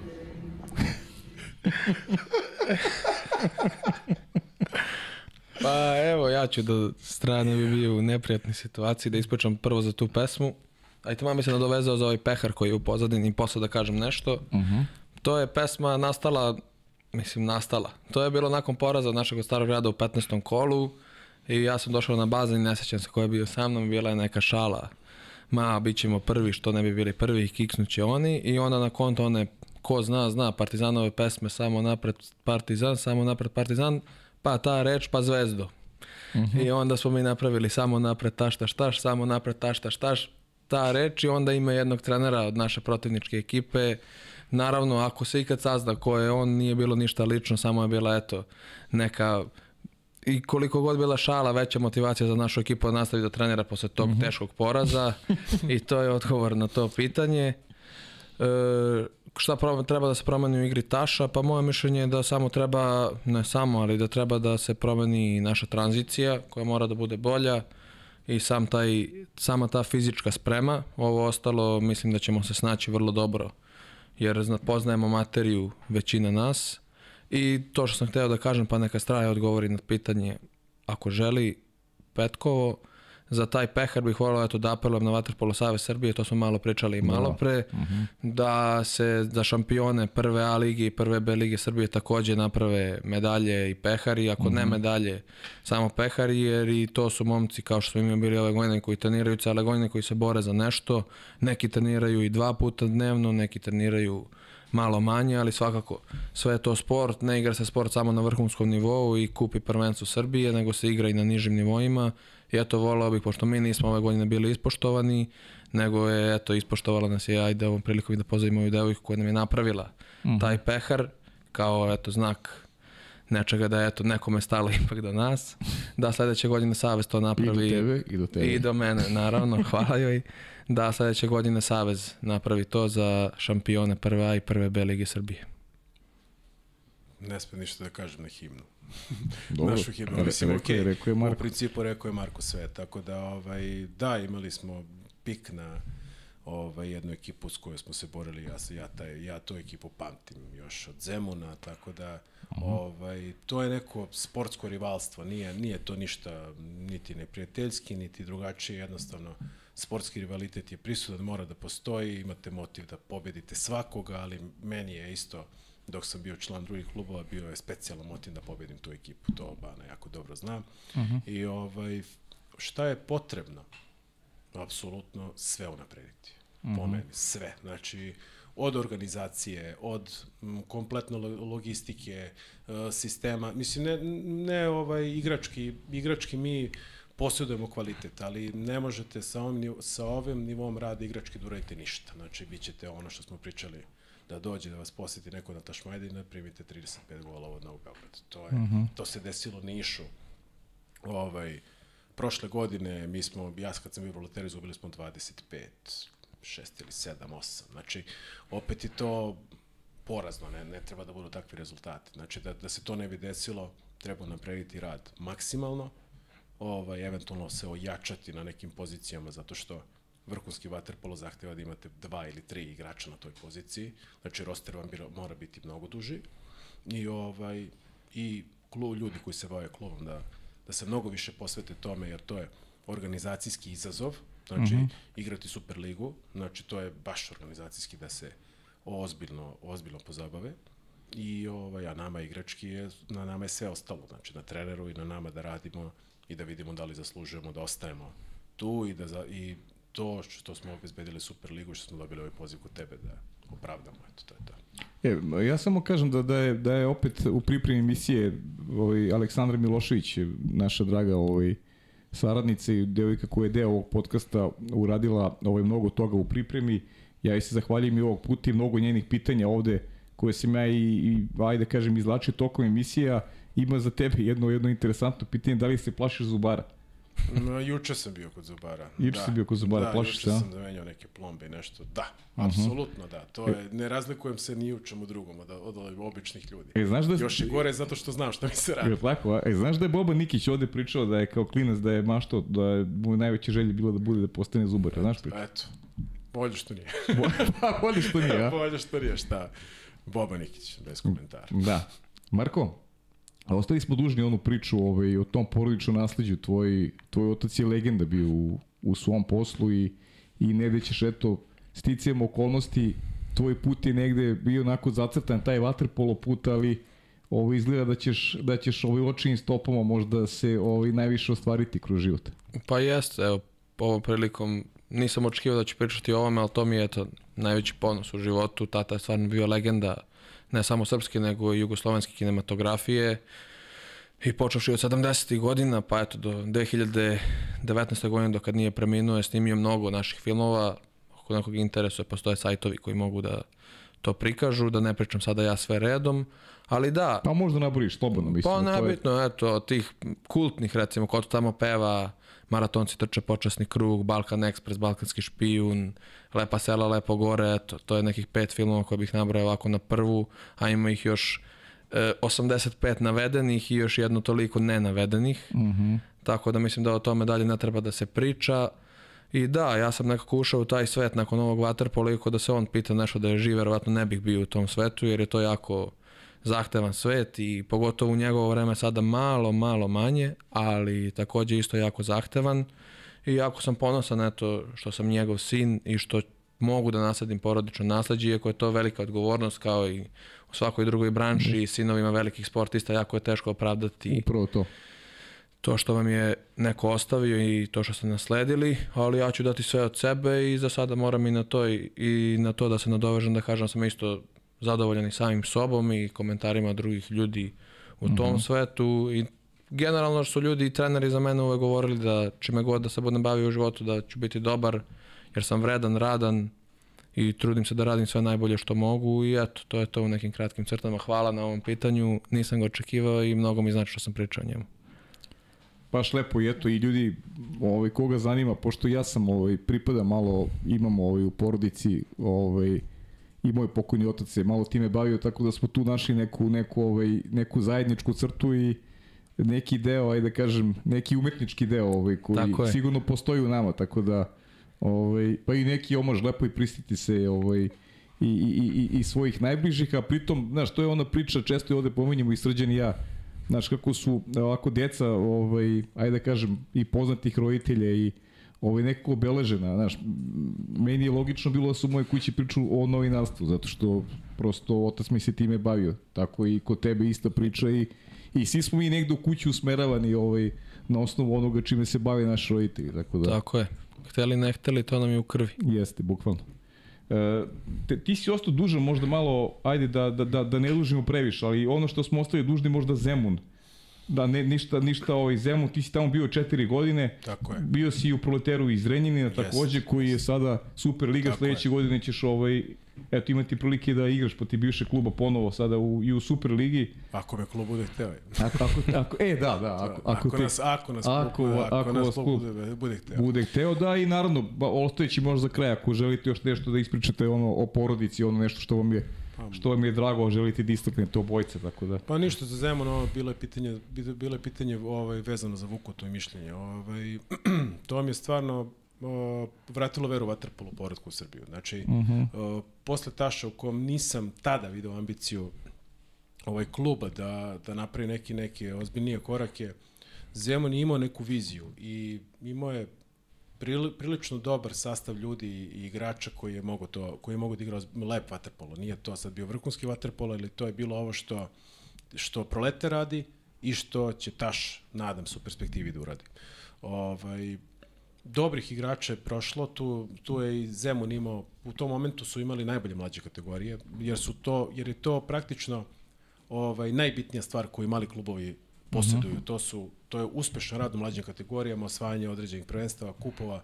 Za, za, ja mislim da imaju za 12, za 14 godina u jednom momentu, to je bukvalno bio jedan ovaj, zlatni period Vatapolo kluba Zemun i to je pratio i prvi tim. Mi smo igrali ovaj, prvu ligu, pobedili smo radnički, ja te slike sam zaboravio da pošaljem to, ali više, više bilo vezano za Taš nego za Zemun, ali nema veze. Yes, yes. Ovaj, pobedili smo tada radnički i Banjicu koju je tada, koju je tada igrao Pana. Mm ovaj, za plasman u, u najjaču ligu. Ovaj, dve godine onda smo igrali ovaj, Jadransku ligu i pred koronu smo ovaj odigrali možda najbitniju utakmicu da je pobeđena Vojvodina 9-7 noć kada je ovaj progla, izglašan izglasano vanredno stanje. Aha. Tada je Zemun, to je bio najveći najveća pobeda Zemuna pored pored Radničkog ovaj pobe, prvi put je pobeđena i poslednji put Vojvodina. Mm -hmm. I ovaj posle toga nas nasledilo vanredno stanje kada se sve to sredilo, mi smo odigrali još jednu sezonu u Superligi gde smo bili sedmi. Dobro, dobri sedmi. I ovaj, nakon toga sam ja odlučio da pređem u proletar. Mislim, iz Zemuna nosim samo lepe uspomene, to mi je praktično vratilo veru u taj vaterpolo, u taj srednji vaterpolo, da, da mogu da, da opstanem, da igram i Vukote je bio taj koji me je negovo, navodio mi je primere nekih crnogorskih starih vaterpolista koji su se kasno upalili, jer mene vodio tom činjenicom, kaže ti možeš 100% da braniš jer ti si kasno počeo. Znači nisam potrošen kao Bana, što je Partizan stvarno potrošio dečka i napravio te povrede, možda i nije morao da ih dobije, možda jeste, to je već sada teorija, ali kaže ti si golman koji se dosta kasno upalio, ti još dugo možeš da traješ. I tom nekom hipotezom je negovo moj, moj odnos prema vaterpolu i prema životu i prema svemu, naročito prema vaterpolu sam tu bio zbog toga i ovaj, Zemun pamtim samo, samo po dobrom i kompletno društvo kao što Bana ima, ja sam steku u Zemunu, kuma sam našao u Zemunu, Da, da. drugog kuma sam našao u Sentešu koji je iz Herceg Novog, tako da uh, dosta stvari mi je vezano za vaterpolo i m, ja sam dužan vaterpolu prema onome što mi je on dao. Stvarno, dao mi je stvarno mnogo da, da proputujem i da vidim, a mi je dao ljude, ljudi su neprocenjivo bogatstvo. Marko, ili imaš još nešto dodaš, ajde, vezano za, za porodicu, ću da pomenemo još nekog. Pa eto, ako me već pitate, a eto kao prvi put kad se dođe čovjek na televiziju pa bi sve da pozdravi, a već sam i sve pozdravio pa bih pozdravio eto moju majku koja mi je glavna podrška od malena, jer mi je odgajala, tata je puno radio i bio na terenima i na setu, to tako ide u tom svetu i jednostavno je bila uz mene od prvog do, pa evo do dana današnjeg i bit će, nadam se, još dugo i bila mi je glavna podrška i najveći razlog zašto sam ja, eto to što svi kažu, glupo je pričati o sebi, ali pre svega dobar momak, pa onda sve ostalo i ovim putem joj se evo izvanično prvi put u životu javno zahvaljujem. I eto, volao bih kada sam već, eto, opet ovde da iskoristim priliku, Slobodno. pomenuo sam tog mog kumija, mislim, iako nismo još zvanično kumovi, ali Arsenija Mitrovića i njega, nadam se da ćemo nastaviti taj naš pohod koji smo do sada imali i poznati smo bili kao tandem, ceo život i to svi treneri, eto, ako nekom prilikom budete pričali, to će vam potvrditi, smo bili i rekli su nam i sto puta i Lolek i Bolek, čak i Stefan Mitrović koji je igrao te godine sa nama, čuveni nas je zvao kod Sepra i Vepra, jer smo bili onako puniji u, to, u tom periodu. Baš liči na Stefana, da? Da, i eto, baš smo se i tada lepo družili i nadam se da ćemo sledeće godine opet da se družimo ja bih završio ovaj podcast od mene, što se mene tiče još jednim, iako sam već rekao to apelom, da ljudi gledaju waterpolo na svim nivoima, da dolaze na sve utakmice i na superligaške sve utakmice, svako kolo kad mogu da dođu, da podrže te igrače i momke koji treniraju ceo život i koji treniraju dva put dnevno i trude se da bude što bolji i da upišu svoju decu na waterpolo, pre svega na moj sadašnji Tašmajdan i Waterpolo klub Taš, da se što više razvijamo i da što više dobre dece, a onda i šampiona izbacimo. Hvala puno. Sve lepo rekao je. Ovaj, ja prvo zahvalnost dugujem svojoj supruzi sada malo maksimum, pošto bez njih ja ne bi mogao da igram vaterpolo, bukvalno ovaj, daju mi dodatnu snagu, daju mi i vreme i poklanjam jednostavno da se bavim sportom, roditeljima, ocu koji je krivac što sam ja sa košarke prešao na vaterpolo. Ovaj, i hvala mu na tome jer jednostavno počete kao neku, kad sa nekom dozom zdravlja, pre, to pređe u neku ljubav koja se nastavlja i evo već traje. Uh -huh. Bukvalno dve više od dve, dec, dve decenije. I ovaj i svim ljudima koji ovaj koji nas prate, prate mene, prate Taš i jednostavno ovaj sve dok bude mogo ja ću, ja ću biti u njemu, da li u formi trenera ili nekog drugog sportskog radnika, jer moja karijera se vrlo brzo završava, ver, verovatno već do godine, ali će ostati ovaj stameni dečko preko puta sa 15 kila manje da. ovaj da da igra i ovaj to je to. Ovaj hvala vam svima na svemu i pozdravljam se. Momci, Marko, uh, šta ti kažem, ovaj, imao sam priliku da upoznam jednog momka koji je mnogo zreliji u odnosu na godine koje nosi i vidi se da si kvalitetna ličnost i želim ti sve najbolje. U stvari ne sumnjam da ćeš ovaj, na nekom svom putu uspeti i ovaj, nadam se da će biti neke prilike da se ovaj, još koji put družimo ovde, jer ono što mi stalno ističemo ovde, podcast planiramo da traje za uvek, tako da ovaj, verujem da će biti još neki povoda i za vaterpolo priče, uz ono što tebe čeka ovaj, da nastaviš ovaj stazama svog oca i da jednog dana o tebi pričaju kao, kao legendi kinematografije. Hvala puno, nadam se da ćemo se družiti i dalje u branši Waterpola i to što si rekao i u nekim drugim branšama. Ništa, hvala Marko puno, straju i tebi, ti si već onako jedan, jedan utaban put ovaj životni koji postoji, još, još malo sporta, nek te posluša zdravlje, pa možda da sledeće godine u ovo vreme razmišljaš drugačije da, da odigraš još koju sezonu, u zavisnosti naravno i od, i od onoga ovaj, i od nekih ponuda i tako dalje, ko zna koja, ovaj, kako će se vrat otvoriti, a ovaj, svima zajedno ovako, svim tašucima šaljem poruku napred taš, i taš taš taš. Samo taš, napred taš taš taš. Samo napred taš taš taš i a, postanite stabilni ligaši a upravi kluba ovaj sa velikom željom da da ovaj, budete stabilni i da, da ovi momci ovi mogu i kvalitetnije da žive od od Waterpola, a vi postanete stabilni prvoligaši. Eto, to je, to je neka, neka moja želja s ove strane, ovaj, s ove strane ograde, što se kaže, i bit ćete uvek drago viđeni gosti kada god poželite da se nešto oglasite, da afirmišete klub, ovaj, tu sam. Što se kaže za uvek. Eto, to Hvala je to. puno. Hvala puno. Ništa, to je bila 124. epizoda podcasta pod kapicom. Uživajte u ovoj priči, a o nekim narednim gostima, o narednim uh, dešavanjima informišite se preko naših Instagram stranica.